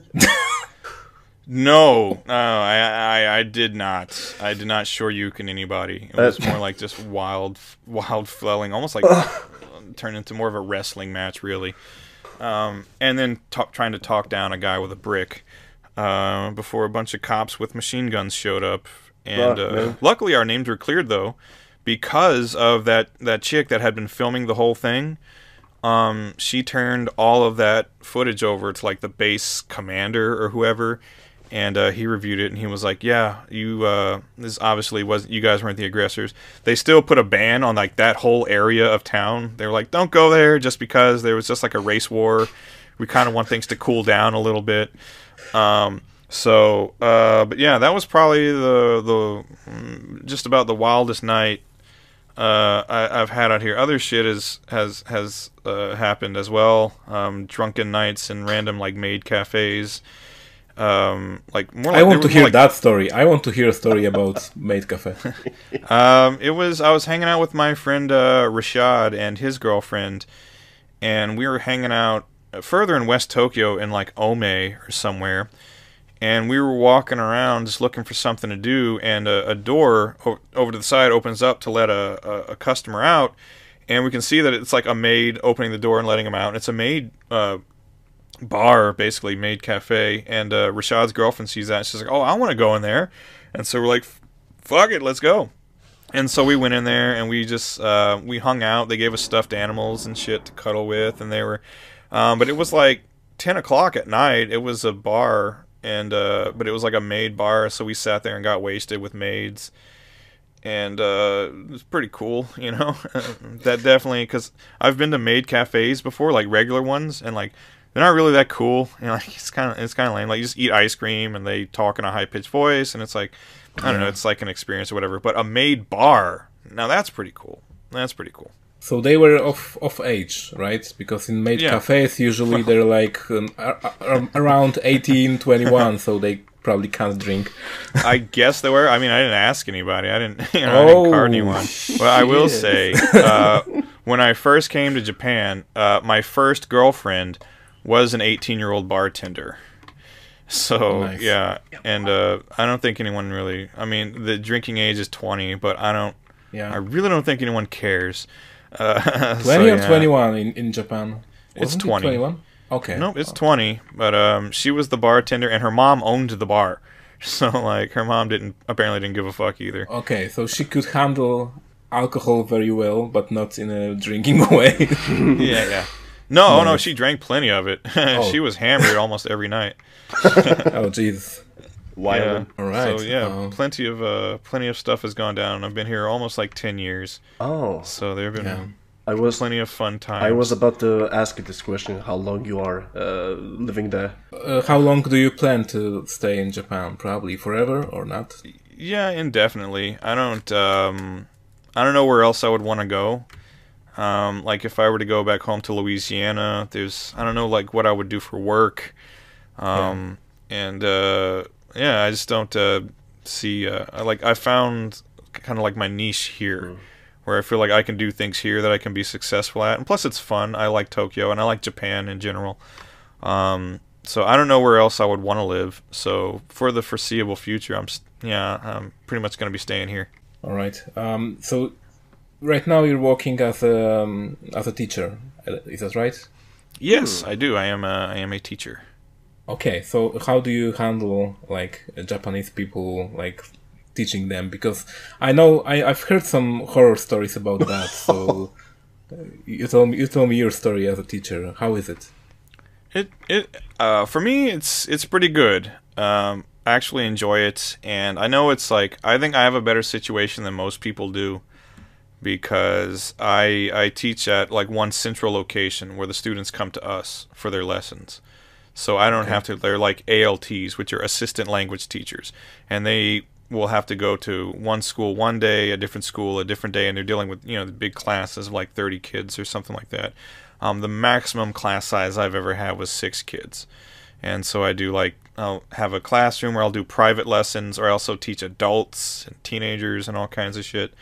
Um, and for the most part, like, I've had some kind of like uh, difficult students, um, but I haven't really found it like that hard to deal with. Like, I know other people it's like uh, well i did have this one kid and he but he luckily he left pretty soon because he was like shitting his pants and like wiping boogers in his mom's hair and shit and he was like oh, five. Oh, so i was like that's a little you know this is like um, two year old behavior so um, yeah to just too, too young to be in the class really. Yeah. Well i mean no we've got i've got younger kids and stuff in the class. It's just like he um because we even do like there's certain uh not me but there are other teachers at the school that do like uh, like toddler classes and stuff where okay. they just play with the toddlers and like try to teach them ABCs and things like that. Um, but uh, I, like my girlfriend, for instance, um, she's told me because she also teaches, and she's told me about just some of the horrible uh, experiences she's had with some students, and uh, even my ex, my ex girlfriend, she was Japanese, and uh, but she was a, a public school English teacher, and uh, it almost like drove her crazy. Like she was not mentally prepared for how horrible uh, uh, junior high students can be. Um, but I, you know, I haven't had such a hard go of it. Uh, for the most part, my students are pretty cool. I kind of build like a rapport with them. And when I first got there, it was like, I don't know, it was weird because uh, the guy that was training me, it was almost like he wanted me like to to teach the way like he does, but he's um, our personalities are like very very different. And like when he does it like his his voice goes up like an octave or two and he's like all like animated and and overly exuberant and happy and and you know and i'm just like that's not me though. I can't uh you know um that's not my personality so I, i've i've found a way to have like a teaching style that is good for my personality and that my students appreciate it and uh, yeah, so far so good. I actually enjoy it, um, and uh, yeah, maybe I'm just lucky. The I would say like 90% of my students are you know pretty cool, pretty good students, and then I've had like 10% of like just little assholes that are just like hard to fucking tolerate, and it's just like oh god. And now I I realize like when I was a kid driving my teachers insane. They probably just wanted to throw me off a fucking bridge. Um, so like, you gotta at some point you gotta be like, you know what? maybe if 10% of them don't learn English, maybe it's not that big a deal. Maybe I can just like like okay, okay, you you you guys go over there and, you know, pull each other's hair out or whatever. I'm going to focus on the other portion of the class that is actually learning or wants to learn cuz yeah, so cuz like and that that's the thing though is cuz they're paying like to you know, have uh, parents like paying to have their kids there and stuff. And so you don't want to go to like you don't want to like hurt the business and go to them and be like hey look your kid probably shouldn't be here they don't really give a shit about this yeah. like you should probably like some of them like i look at them like this kid should be like playing baseball or uh, some in some kind of sport or something like that this they obviously do not have the temperament for you know extracurricular classroom stuff. Um, so you know you know but for the most know i've handled that pretty well. But yeah i like i like teaching. It's pretty cool. I get to teach the kids. I get to teaching adults is fun too, because um, usually that stuff like you don't have to really like go out of a book. It can be like more like off the cuff, helping them with like specific things they want help with, and it's really conversational and everything. So that's that's a lot better, a lot easier to get through. Um, but kids are, um, I don't know, uh, they're uh, interesting because like it's fun. It's like really fun to like be around like a you know a bunch of kids and stuff, and they draw pictures for me and shit, which is pretty cool sometimes. And or like I'll have them if I wanted them to do something creative. I had some of my students. I have this uh, class of like thirteen uh, year old girls, and so they're like always like so chatty, and uh, you know like all girly with each other and shit. So I was like, we gotta, I gotta think of like some fun shit that they can do together and everything. So like I just had them create characters together, and um, and then for like little homework assignments, I'd be like, okay, we'll go and write this week. Think of something that happened to the character, and then write about it. Write me a paragraph, and come back next week, and then you'll all read your paragraphs, and then we'll piece it together, and we'll create a little story for what happens to these characters. And so like stuff like that is fun. Like it's not in the book or anything. It was just shit that I thought of. Like I was like, well, this might be fun for them to do, mm. because like strictly academic English and shit can be like real fucking boring, yeah. especially you know when you're a kid, you know. So you got to give them like other like you know fun shit they can do like little activities and things yeah. like that. That way they like they don't know they're learning. Like they don't know that they're learning how to write. They don't know that they're learning how to like create a character like structure a narrative and things like that. They don't know that's what i'm getting them to do. They just think they're writing a stupid story. Um, so stuff like that i find uh, makes it uh, more fun uh, for them and for me because i get to read the crazy shit they come up with. Where like they had created some character where it was uh, like a tomato like a tomato and a, a carrot, and the tomato was like a superhero fighting uh, junk food aliens from the junk food planet. And so there was the tomato, and then there was Carrot Boy. But then later, the tomato he gets cooked like into a pizza, so now he is junk food. So he is be- so he has become the evil pizza supreme, and Carrot Boy has grown to become Carrot Man, and so now Carrot Man fights Pizza Supreme. Uh, and then I had them draw the characters for me on the. Uh, so I was like, okay, well you come. I was like, draw these characters. So they drew like a little evil pizza guy, and carrot superhero and stuff. So carrot fun stuff. Carrot Man gonna fuck you yeah. up, boy. So out of the minds of thirteen-year-old girls. So you're more li- you're more like a GTO, the great teacher Onizuka. Do you recognize? Yeah, yeah, yeah. And I'll. Uh, these kids know they step out of line. I'm, I'm, New, I'm, gonna fuck them up. new, knew your fucking place, trash. Yeah. Great teacher Jim. Put them inbound.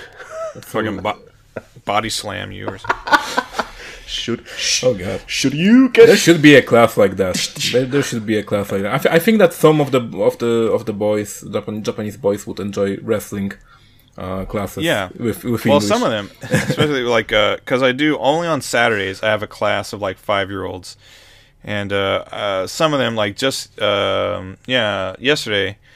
Uh, one of the boys, he is like I let him do his own thing because he speaks better English than the other kids, and his mom says he just learned it from like TV and YouTube and stuff. Hmm. Um, but when they've got like little activities I want them to do, he doesn't want to do any of that. He just wants to like draw. But while he's drawing, he'll talk to me about what he's drawing, so I just let him do it because it keeps him talking. So he'll be like, oh, "I'm drawing a dinosaur. This is a dragon." Uh, and he's like having the dinosaur and the dragon fight, and he's telling me about how they breathe fire and they live in the jungle and shit like that. And I'm like, "Cool, whatever. Just and just keep talking as long as you're not fucking the place up and you're happy and everything."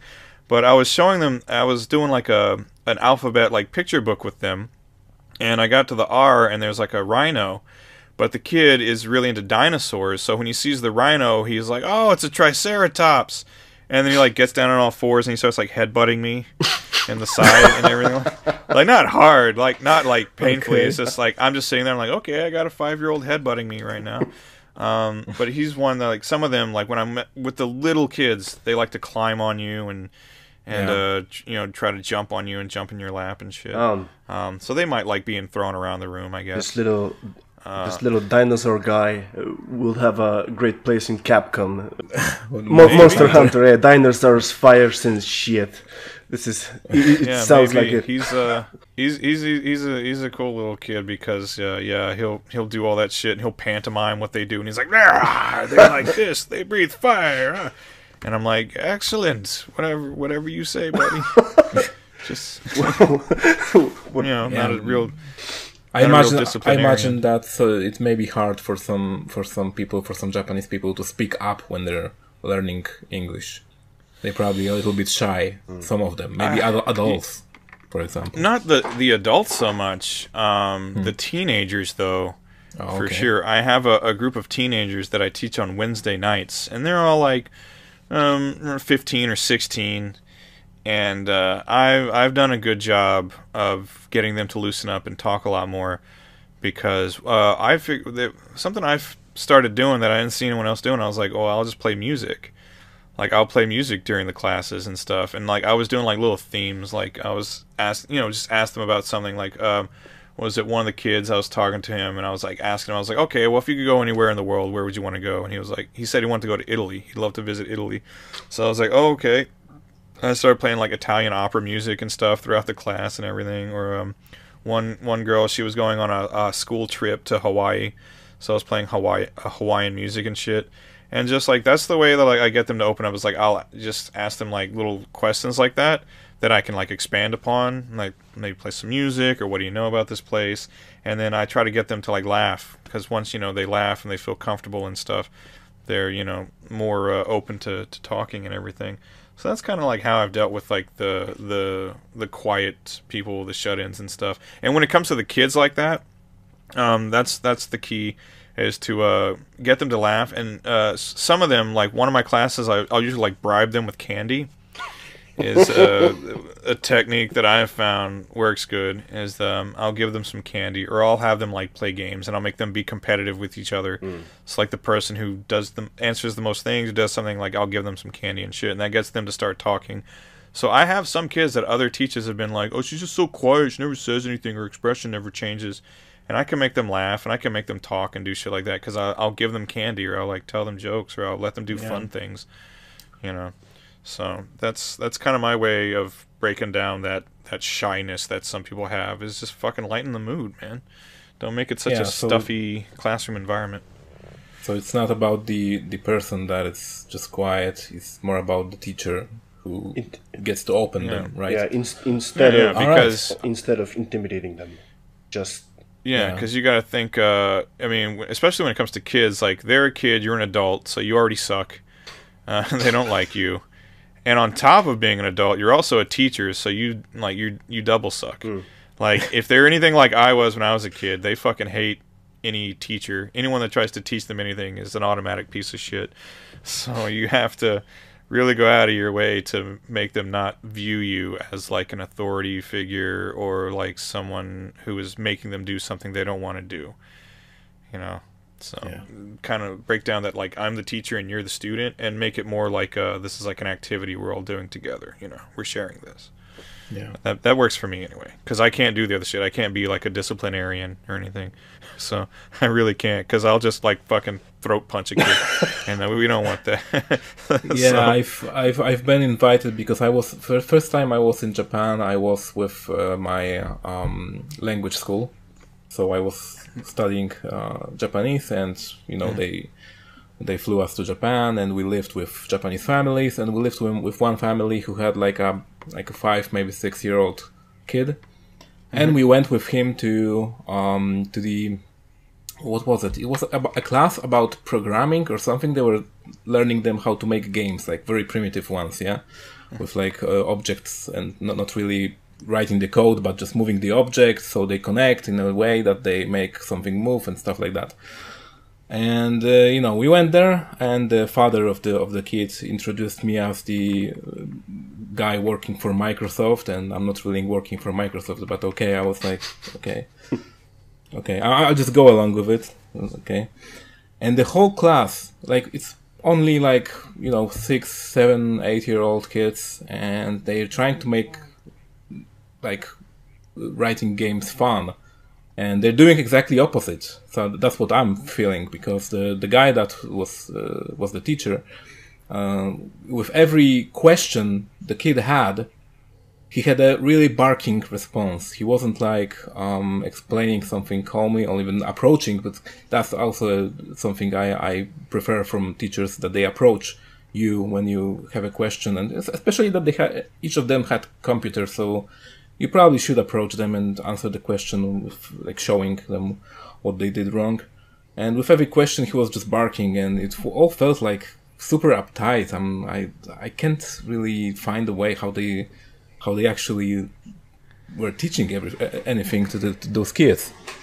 That's uh, crazy. Yeah, because a lot of I mean, and this includes myself too. Like I ne- I didn't have any formal training in um, like education or teaching. Like I um, my uh, degree was in communications.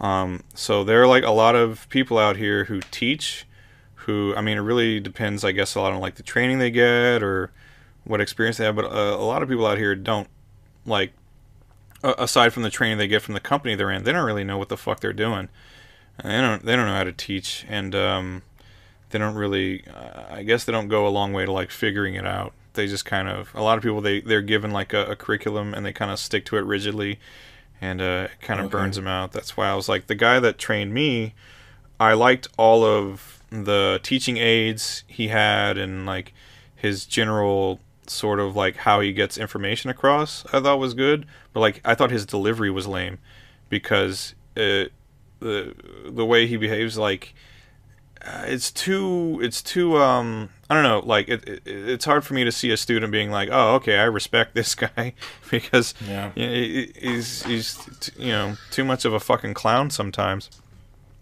um, so I'm like, no, I can't, I can't act like that, dude.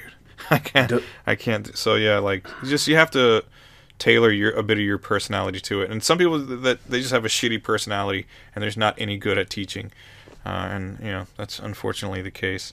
Um, and then also you got to take into account all, some of the people that come out here are just fucking weirdos, man. like these just like weird Japan obsessed people that come out here and have no social skills whatsoever. Oh, okay. And they, you know, and they just they they suck at any kind of social interaction. So they're not going to do much better when you put them in a room with a bunch of fucking teenagers. Oh, yeah, they got to teach them. Yeah. So. Yeah, I can imagine just some otaku who's dreaming about living in Japan goes into the the field of you know teaching English because it's usually English. So yeah, and yeah, and it goes west from there. So yeah, it's probably how it how it goes usually.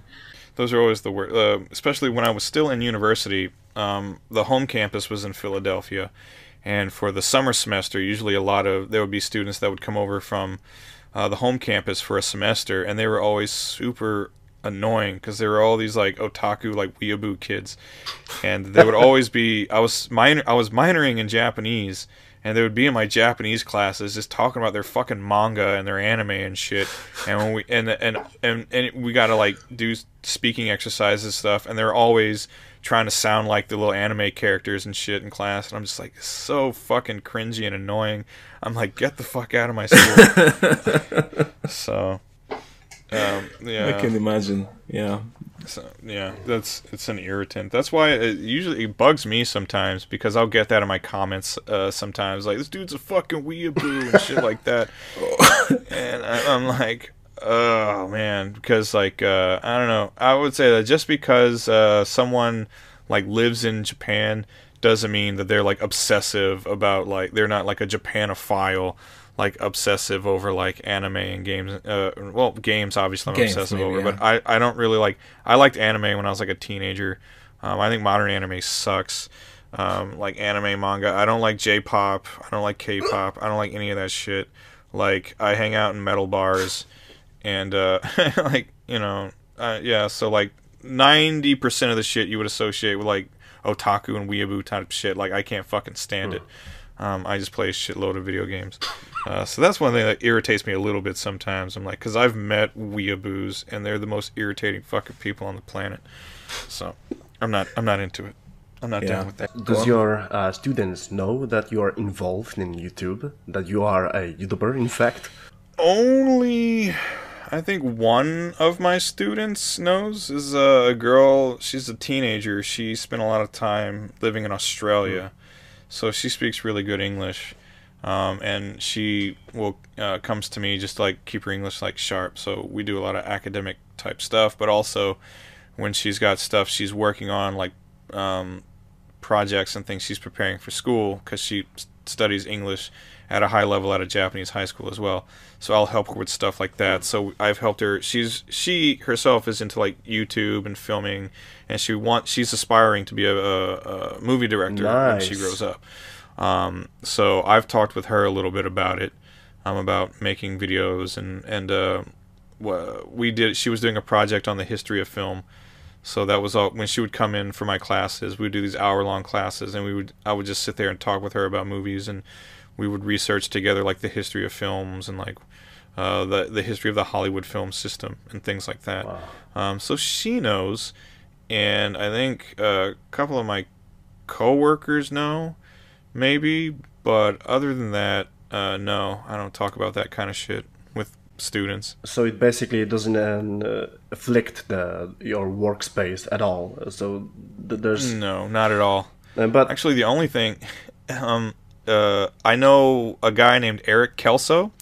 Uh, he actually lives one station over from me. Uh, he lives like five minutes down the street from me, but he's a, a veteran voiceover artist mm. who, for many years, has been the voice of Paul Phoenix and Tekken, and he's uh, Jackie Bryant in the Virtua Fighter games. He's been Captain Falcon. Bruh. He did a bunch of voices for the Shenmue games, uh, Bloody Roar, all kinds nice. of shit. And he's also he's just he's done a lot of like commercial work in Japan uh, lots of stuff like that. But he's just he's a working voice actor, so he just if a job comes across his desk, he does it. And there's uh, a series of books that we use for certain students, and they come with um, these CDs that have listening exercises on them. And uh, he's the narrator on them. So like as soon as like I heard his voice, I was like, holy shit! I was like, oh, I was like, oh, I'm, I know this guy. This is my friend Eric and they were like, "What, really?" I was like, "Yeah." I was like, "Weirdly, oddly enough, I know the narrator on our uh, little listening CDs. The guy on doing the narration for like, uh, it's like, uh, you know, chapter three, exercise A, going to the movies." Like that same guy, he's Paul Phoenix in Tekken and and shit like that. He's Captain Falcon, you know. All right. Yeah, and actually, I've hung out with him, uh, and he's he's cool as shit. We got really we got wasted together, uh, me and him and my friend Sam. We went to an izakaya, and we got really drunk, and he was doing his character's voices at the table for us, and that was really cool. And then he gave us a bunch of signed glossies and shit too. Eric Kelso, he's cool as shit. He's a cool guy. Falcon Punch and Shoryuken in one place. Imagine that. Not yeah. Oh yeah, yeah. That's right. It was us together. uh, but he's cool as shit. I kind of want to take him to the school one day and just feed him his lines and be like, look, Eric, say it, say it to the kids. Because uh, I, don't think because they hear his voice every week. So. Yeah, you spoke so much about the filmmaking. Uh, do, do you have any experience uh, before you drew yourself into a YouTube? No, zero. Um, YouTube was just sort of. Uh, uh, I guess initially I had started a different channel um, before uh, my current one, and I started it in 2006. Mm. And uh, I didn't I didn't do anything with it. It was just I think you couldn't comment on videos if you didn't have an account. Yeah. So I created an account, and then when I went uh, moved to Germany, um, I had uploaded some videos to it as like travel vlogs. And so that's kind of what I was doing uh, when I was in Germany, and then I'm moving to Japan. I was using it as like a travel vlog kind of thing, mm-hmm. and then I switched over to my current one, and I didn't know what the fuck I was doing. I didn't even edit anything. I was turning the camera on and turn it off and upload it. And uh, the first editing software I ever used was the Windows Movie Maker software that came built in. And, yeah, so I didn't know uh, anything at all about it. So I would I fucked around with that, and then I got other stuff like a uh, Shotcut and uh, Adobe and whatever, and was just teaching myself how to do it and like looking mm. at tutorials on YouTube. And then when I started going to school at uh, Temple, I decided uh, I uh, initially I was going to either major in Japanese or uh, English. I was going to be an English major because I I in my mind, like I was dating an English teacher at the time, and we were living together, and I was like, okay, I'll be an English teacher too, I guess. But I didn't know if I wanted to do that or Japanese. But then when I got there and really thought about it, like I was getting more interested in uh, YouTube, and I was wanting to do better at it. Um, so I was like, you know what, I might enjoy a communications program more because part of it was production part of it was film, and uh, other shit was like journalism, journalistic research, uh, broadcasting, acting, all that kind of shit. Um, but part of it was production. I did like a actually there was a series of videos I produced with my friends uh, Marissa and Songmin, where it was like um, we did like almost like a parody of J vlogging, where um, she plays basically like a, a homeless girl that I've sort of, I guess I've like kidnapped and am coercing into making my weird J vlog videos, and I don't know. We we did some like weird shit, but that was for like a school thing, where it was like, okay, you have to like create a channel and like come up with a theme and make a series of videos and everything like that. And everybody else was doing like kind of boring shit like geocaching and and stuff like that. Where I was like, eh, that's fucking lame. I was like, we have an opportunity to do something. Like we have, it was a group of four people. I was like, we could do something like a little more creative than that, couldn't we?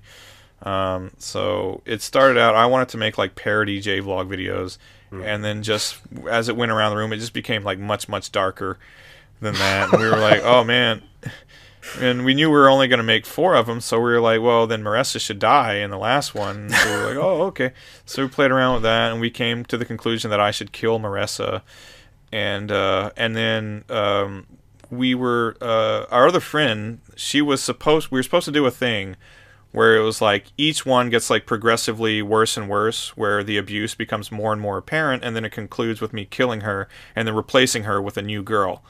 And so our friend um, Haley was going to be the the new girl at the end of it, and then she did not fucking show up the day we went to shoot it because we were shooting all of these at a share house in uh, Yokohama, and she did not show up for the shoot. So we were like, "What the fuck are we going to do? We got to end it somehow." So what we did instead, because when we would shoot the segments with Marissa, because we would shoot them, uh, we would shoot a segment inside where she's doing her J vlogging persona. It's where she has a blue wig on and she's like being super kawaii and shit like that. and then when we would shoot all the exteriors, it would be like more like okay, like well you're a homeless chick, so like you you need you to drink some whiskey because we did like a snack tasting video. So I you know take her to the store and she gets all these snacks and booze, and then she like sits on a street, uh, you know, in a little um, street uh, area somewhere and drinks whiskey and eats snacks until she pukes and um, you know we were we were doing shit like that, and so that was it was fun. Um, but so when Haley didn't show up, we were like, what the fuck are we gonna do?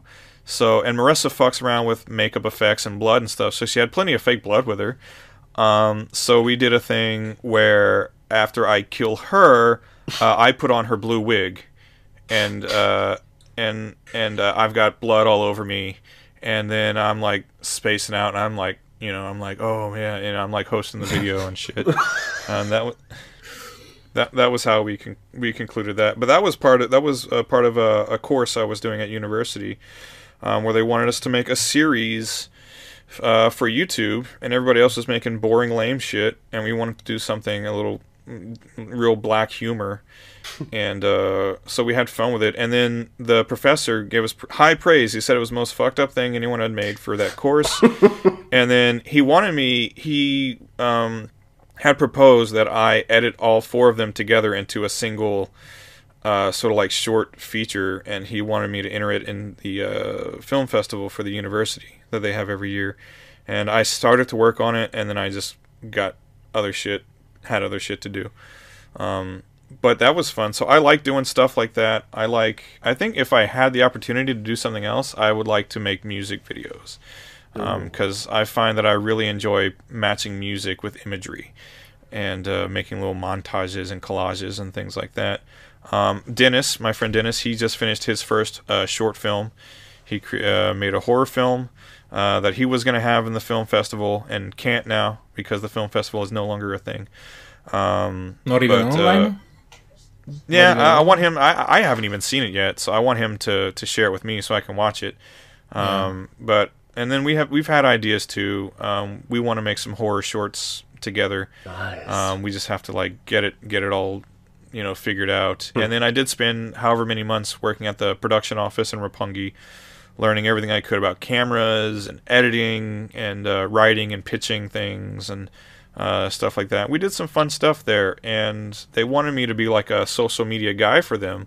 When I got there, their their channel, Japan Headlines, they had published over 60 videos, and they had like 40 subscribers. Like they weren't doing shit. They didn't know how to do market a YouTube channel at all or make it like YouTubey. Like wasn't all their shit was boring as fuck. Yeah. And so I was like, this this is all lame. This is what you got. You got to do this, this, this, and this. So like, in a, after a few months, I had them at like a thousand subscribers, and it was going pretty good. And then I just I had to leave there because they didn't have any money. So I was like, because the boss he was like, okay, this is great. When are we gonna start making some money? I was like, oh, never. it's never gonna happen. Yeah, we kn- we And know then he was like, you're fired. we, we know we know that feeling. This is funny because uh, me and Matthew we we are on the similar boat right now. When it comes to the for you in a role of a creator of uh, music uh, videos, uh, I loved your work. It is called Tokyo After Dark. Man, you you've got the, the, the skills and all the things that you will need to create uh, more uh, or of more of that kind of uh, videos. So, my opinion is go for it. This is crispy. Yeah, I like it very very much. Do it. Well, I when I fucking I started listening to uh synthwave music, that was what really because synthwave I, I don't know if it's the same for everyone, but when I listen to it, it it, it it's it's I don't know, it I related a lot to imagery.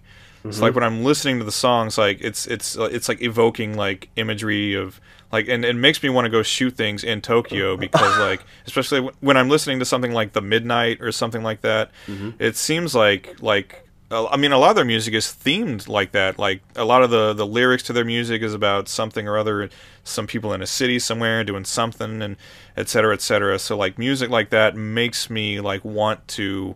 Um, so if I was gonna start making music videos, I would start with synthwave, uh, just because I think that sound and the imagery of Tokyo, which is like because you have to Aesthetics. you have to work with yeah and you have to work with what you have access to right so like in tokyo itself it looks like a, a fucking film set right like the you know it's it's a really attractive looking city so if i was going to start making music videos which i would like to at some point um, yeah i would start with synthwave just because i think that sound and the imagery i have available to me are like a, a really good match Oh yeah, one more question from the audience actually. What Japanese food do you recommend to try? Oh, uh, there's a lot. Um, uh, uh, one I think a lot of people don't really consider because uh, I think when people think Japanese food, they think of about stuff that's not really Japanese. They think about like ramen, Yeah, yeah. and and stuff like that, and um, gyoza and stuff, which a lot of is like Chinese. Um, but I would say uh, okonomiyaki is uh, really good. Okonomiyaki are almost like these like pancake type things, but they can be filled with all kinds of shit like veggies and meat and or uh, fish or whatever, and they're covered in fucking teriyaki sauce and everything. And they, like it's just fucking it's just this big, delicious Japanese pancake thing. Um, or uh, tempura or um, tonkatsu, which is like a specific way to like fry like pork and chicken. Uh, especially when it's served with like tonkatsu sauce, which has like a very like tangy like teriyaki flavor to it. Um, so yeah, like tonkatsu, okonomi, anything that says yaki because that's like a like a grill type thing. So um, okonomiyaki is great. Um, yakitori, which is like uh, chicken on a stick.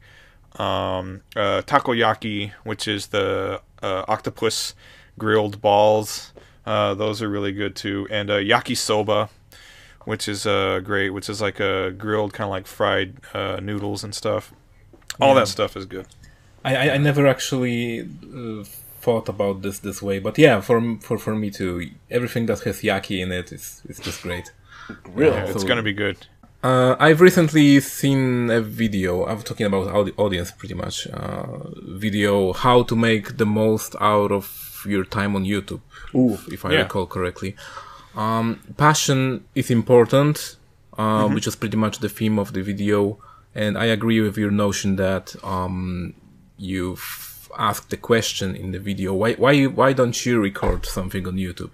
And there are a ton of people that have something to say, like something great about um, about their passion, for example, and they don't. They they, they just don't uh, go into YouTube, which kind of kills the purpose really of of YouTube because initially it was supposed to be a platform for people to share their their stories pretty much. And and yeah so uh, I, I, I thought that in in this video that that was really important that's what i wanted to make it to make it clear for everybody that if you if you want to do something on youtube and you're not really good at it for example like me on, on podcasting then just do it and it, it probably it, it, it either will work out or not but the passion is the most important thing about about doing that pretty yeah. much yeah if you watch my first videos like they're they're awful. They're not they're not any good. But I didn't give a shit. Um, and uh, actually, because of doing um, that video and uh, another one where it was like, why haven't you made your first video yet?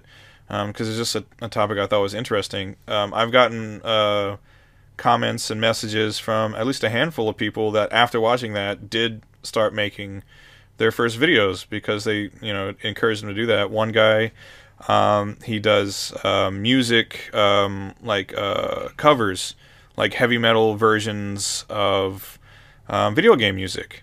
Nice. And it was like really good. So he's he's a talented musician, and he said he'd considered doing that for a long time, but never wanted to until I uh, sort of just said, "Hey, fuck it, why not?" And so he was like, "Okay, well, since you put it that way."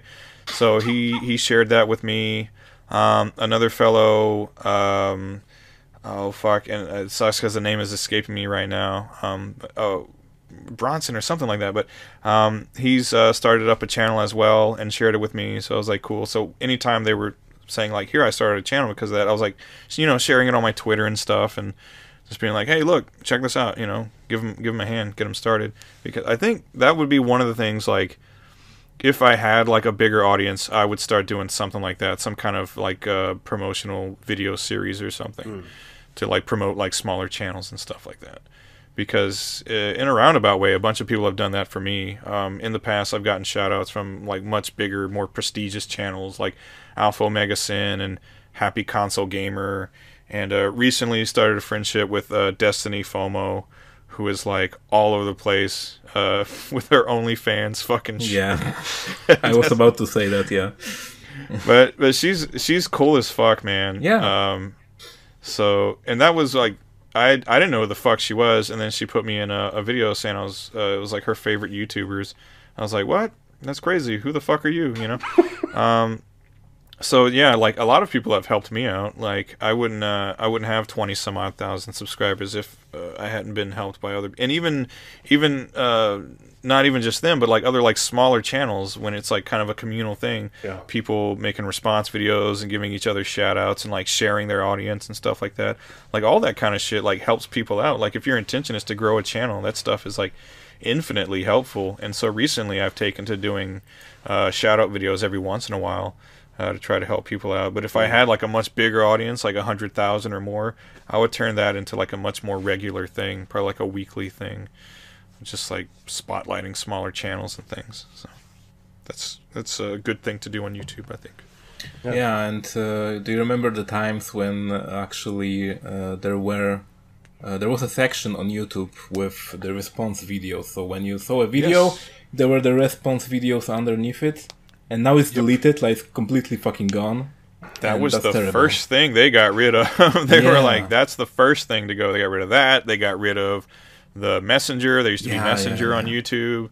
Um, yeah, there there were all, uh, all, kinds of fucking stuff, all kinds of features they got rid of uh, to try to. Um, I don't know if it was intentional to sort of like try to crush the communal spirit mm, of like, know. but. Um, but I don't know. But there's still like all these little pocket communities all over fucking YouTube. Yeah, yeah, yeah. I, I just want to believe that you know there are probably some more uh, intelligent, more well versed people in in business that were in the YouTube that thought that deleting that would probably bring them some profit or something. Maybe that was the idea. I don't know, but um, for me, it kind of killed the vibe of YouTube in a sense. Yeah. So it's it's not really anymore about um, direct, um, like I don't know, just a direct interaction with creators because it's not really like that uh, anymore. For example, the bigger you are, the more, the less you have time to interact with the audience. So, uh, so yeah, those videos were kind of like one of the one of the only, if not the only, tickets to actually get noticed. Because if your response was okay, it was like um, really likable, then probably more people would would upvote it or downvote it, and you would know whether or not to spend your time actually listening to what they have to say. Um, so yeah, so that's that's that's gone out of the window. Uh, thanks YouTube.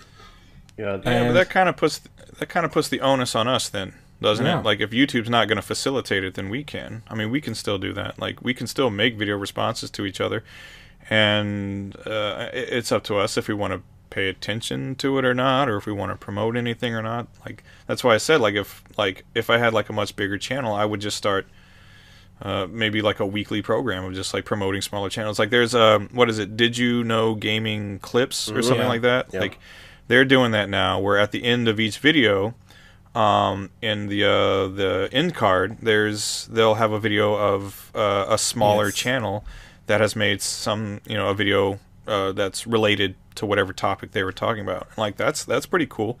So like, there's nothing stopping anybody else from fucking doing that. You know, you don't need YouTube to um, facilitate all those things for you. We could do those things ourselves. It's just most people are like, they don't don't give a fuck. They don't. they wouldn't really yeah. want to do that. Um, even though I don't, I don't really understand why. Because um, so you could say like, oh, maybe they don't want competition for their channel or something like that. But it's like, it's it's fucking YouTube, and it's like, it's not like you're on like your shows are on at the same time. It's not like Exactly. Monday Nitro and Monday Night Raw, and like, what are they going to watch? It's like, well, they could just watch your video and then just go watch someone else's or something. Like, it, it, so uh, I don't know. Um, you don't got to be all competitive about it like that. I mean, uh, um, so yeah, people the, the bigger at you know channels, channels like a million subs and stuff like that. If they wanted to, every day they could uh, fucking shout out a fucking channel and, and help them out or something like that if they wanted to. If they wanted. or if they could they could feature video responses if they wanted to. If if I had a million subscribers, I could wake up tomorrow and say, you know what, I'm going to do a video series now. I'm going to encourage people to do video responses. I'm going to make this video, then I'm going to say, hey, do video responses, and then I'll pick some, and then I'll make a video next week and show all the video responses, or I'll do this, that. Like anybody could fucking do that. They're just not doing it. You know, yeah. so I mean, yeah, YouTube has like cut features and all that stuff, but you can't like blame them exclusively yeah. for why uh, the communal feeling is gone. Like, because you could still be doing these things. You could still be doing video responses. You could still be chatting to people. You could do all these fucking things. Um, and like you said, when you get a bigger channel, it does like become more difficult because there's more comments and yeah. there's more everything. So it's it's harder to do. But I mean, and that that's always kind of been the case but like there are workarounds like so i guess that puts more of the like i said the onus on the creators to make it have a communal vibe if youtube doesn't want to do it then you can do it especially since some of these channels are so big they're like a community unto themselves you know mm-hmm. yeah exactly uh, as, as, a final remark really I, I wanted to touch upon the subject from your from your video which was do not measure yourself against other creators and this is something yeah. that uh, hmm. that Raw is is kind of guilty of, and I'm guilty of sometimes. I am uh, too. Yeah, yeah. and it's, it's it's it's like it's like I've made a, an unboxing video of Cyberpunk limited hmm. edition Xbox One, and it's garnered way more views than for example, Blasf- uh, video about Blasphemous, the game, uh, which which uh, which Raw made and uh, which was very well researched video and a lot of effort was yeah. put into it but you know like unboxing is is is like still getting better views so mm-hmm. um but people enjoyed it but people enjoyed the video about about the game so i'm like uh, as long as there's more people happy about the video than people that are that made that uh, were actually involved in creating it so in, in, in this in this instance, it was two people, so me and you, uh, making the video. Well, then, if there are, were two people that were happy with the video, then that's a win-win in my in my opinion, really. Well, yeah, and I mean, consider the fact if if you're happy with what you've created, I mean, that's like uh, something in itself to be proud of. Um, so I had to. Uh, it was like it was Johnny Millennium mm-hmm. that because um, he had helped me at the time because he had given me a shout out. He had come and uh, we were doing a podcast at the time uh, with some of my friends, and John was like super super nice and personable like right away. Um, so when I invited him to do the show, he said yeah, and then he was like, "Hey, uh, before we do the show, uh, we should probably like just like chat on Skype or something, right? You know, it'll be like better if we know each other and everything." So like for what we were just like you know having talks on Skype and stuff. He was just like being like super cool and shit, and then we did the podcast, and that was a lot of fun. And then after that, he and I remain you know friends, and uh, he gave me a shout out on his channel, me and my friend Carcamo and um, that put me over like 4000 subs at the time. So i was doing a q&a and i was like yeah john really helped me out. I was like you know uh, 4000 subs it isn't very much and the other people have these huge numbers and john himself has hundreds of thousands and, and blah blah blah. And john was just like he was like yeah don't measure yourself against other people. He was like 4000 is a lot. He was like so yeah. he was like it doesn't really yeah. So and uh, so that uh, that that was helpful for me to have like someone like with his like level of experience and like the audience size that he has to see how um, sort of like personable and down the, down to earth and how he has like no ego at all about this shit. It, it made it um, easier for me to be like, oh well, okay, well as long as I'm happy with what I'm doing, yeah. and uh, there I have some kind of audience. I mean, so yeah, don't look at what someone else has. What's that saying? The only time you should look into your neighbor's bowl is to make sure that he has enough. Yeah. Right? Who gives who gives a fuck what I mean it's fucking YouTube. What is it, the end of the world? No. So who gives a shit? Right? No, if you're happy with what you did, you know. Yeah, and it's always like the grass is greener on the other side. So always, yeah, uh, it always sound, may, may look for you like, oh, this channel is doing so great, and I'm not doing that well. It's like, dude, like for for 3000 1000 i don't know how many people just went out of their way to click the subscribe button for your for your channel so you should feel like you know no, that's a lot of people actually. I mean, yeah. think about all of those people in your house. That's a lot of people. Yeah, it's gonna be. So yeah. Those people so went out of their way to support your channel, so you just be grateful for that. Yeah, yeah. and yeah, because I still feel like I still feel that way. Like I have a small channel, but I was talking to my best friend the other day. I call him every once in a while, and he was asking me about it, and I told him I was like, yeah, it's about twenty two thousand now, and he he was like, that's like double the population of our hometown. like, yeah, he's like, he's like, you Put know, it into a lot of fucking, yeah, yeah. He was like, that's a lot of fucking people. I was like, yeah, I guess it is. Um, but I'm I'm happy with that because, like I said, I've been I started my first channel in 2006, you know, and this channel has been going since uh, oh, like nine years now, and uh, I'm really happy with the audience I have because um, it's it's an audience that like everything I've put on my channel was something that like I wanted to do. It wasn't like I didn't. It was never like the thought was never in my head of like, ooh, this is gonna get the views. This is gonna really get. Oh, this is gonna bring them in. This is gonna make me some money or whatever. I was just doing whatever the fuck I want. Like if I really want was worried about views and subscribers and shit, I wouldn't. You know, I wouldn't make videos about fucking retro games and shit like that. Like I would That's fucking three minutes video at at top of that because you know you can't yeah. do, you can't roll mid you can't use mid mid roll ads on three minutes. Oh yeah, videos, yeah. So, yeah. I, I, can't I can't get all that sweet sweet oh, ad revenue God, off of that. Yeah, so mu- so um, much money is going like you know. but I'm I'm really happy with the audience I have because um, they came and subscribed and watched my videos because they genuinely enjoy the videos that I enjoy making. Yeah. So I don't have to yeah. like bullshit anyone and be like, oh, you know, I don't have to wake up and feel like I have to make anything, right? I can wake up and know that I can make whatever the fuck I want, and the people that watch me enjoy watching the things I want to make. So I would say that that's yeah, that's why I said have passion for whatever it is you're doing um, because at the end of the day, you're going to be happier with what you're making. Yeah. And you're not going to have to worry about people being like, oh, this dude's a fucking phony. Oh, he doesn't give a fuck. Oh, it's just all he wants is clicks and money and drama and blah blah blah. Yeah. And it's like, don't put yourself in that position where people can fucking say that. One of my favorite people on YouTube, not just for his videos, but just like as like a person and a personality, aside from John, is fucking James Rolfe because like for all the years he's been making his videos and all you know, just like uh, has he ever been i think the most dramatic thing that ever happened to him was he didn't want to see a movie one time.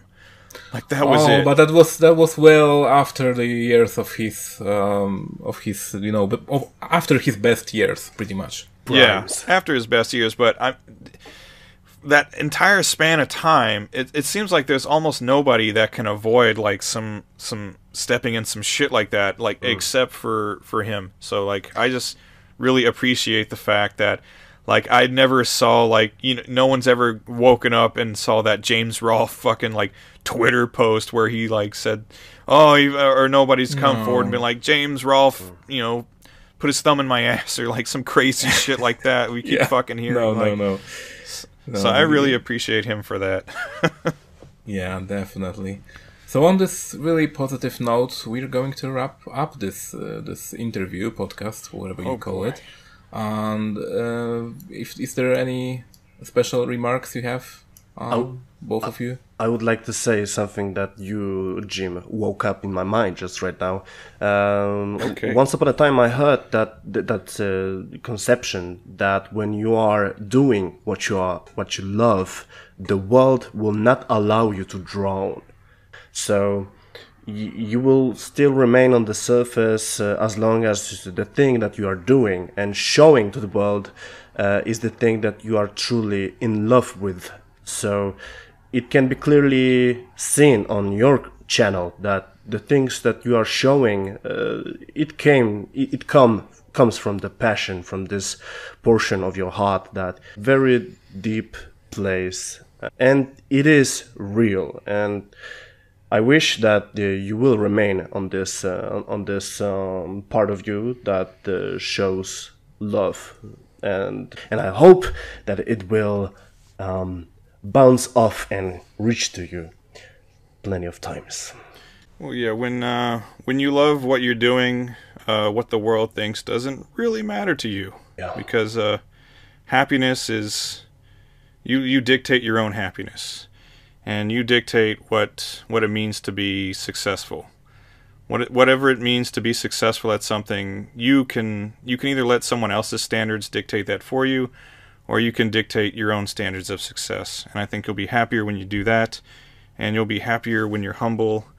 And there's this there's um, a quote that I like that I don't even know who the fuck said it, but I heard it and I liked it, and it was that um, uh, humble men recognize that uh, greatness is not in them, but greatness works through them. And so I think that's something important to keep in mind. So as long as you're happy with what you do, whatever whatever it might be, and whatever your definition of success is, um, whatever the world thinks of it won't matter because you'll be happy with it. So, be my last little bit of advice.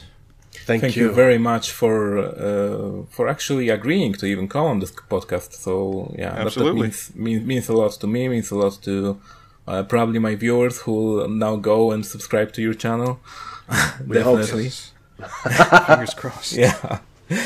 And yeah, I need that sweet, sweet ad read. Oh yeah, definitely. yeah, so thank you a lot. Uh, hope you have a good time on YouTube, and we all do pretty much. Uh, thank you. See you guys next time. Cheers. Oh, Laters.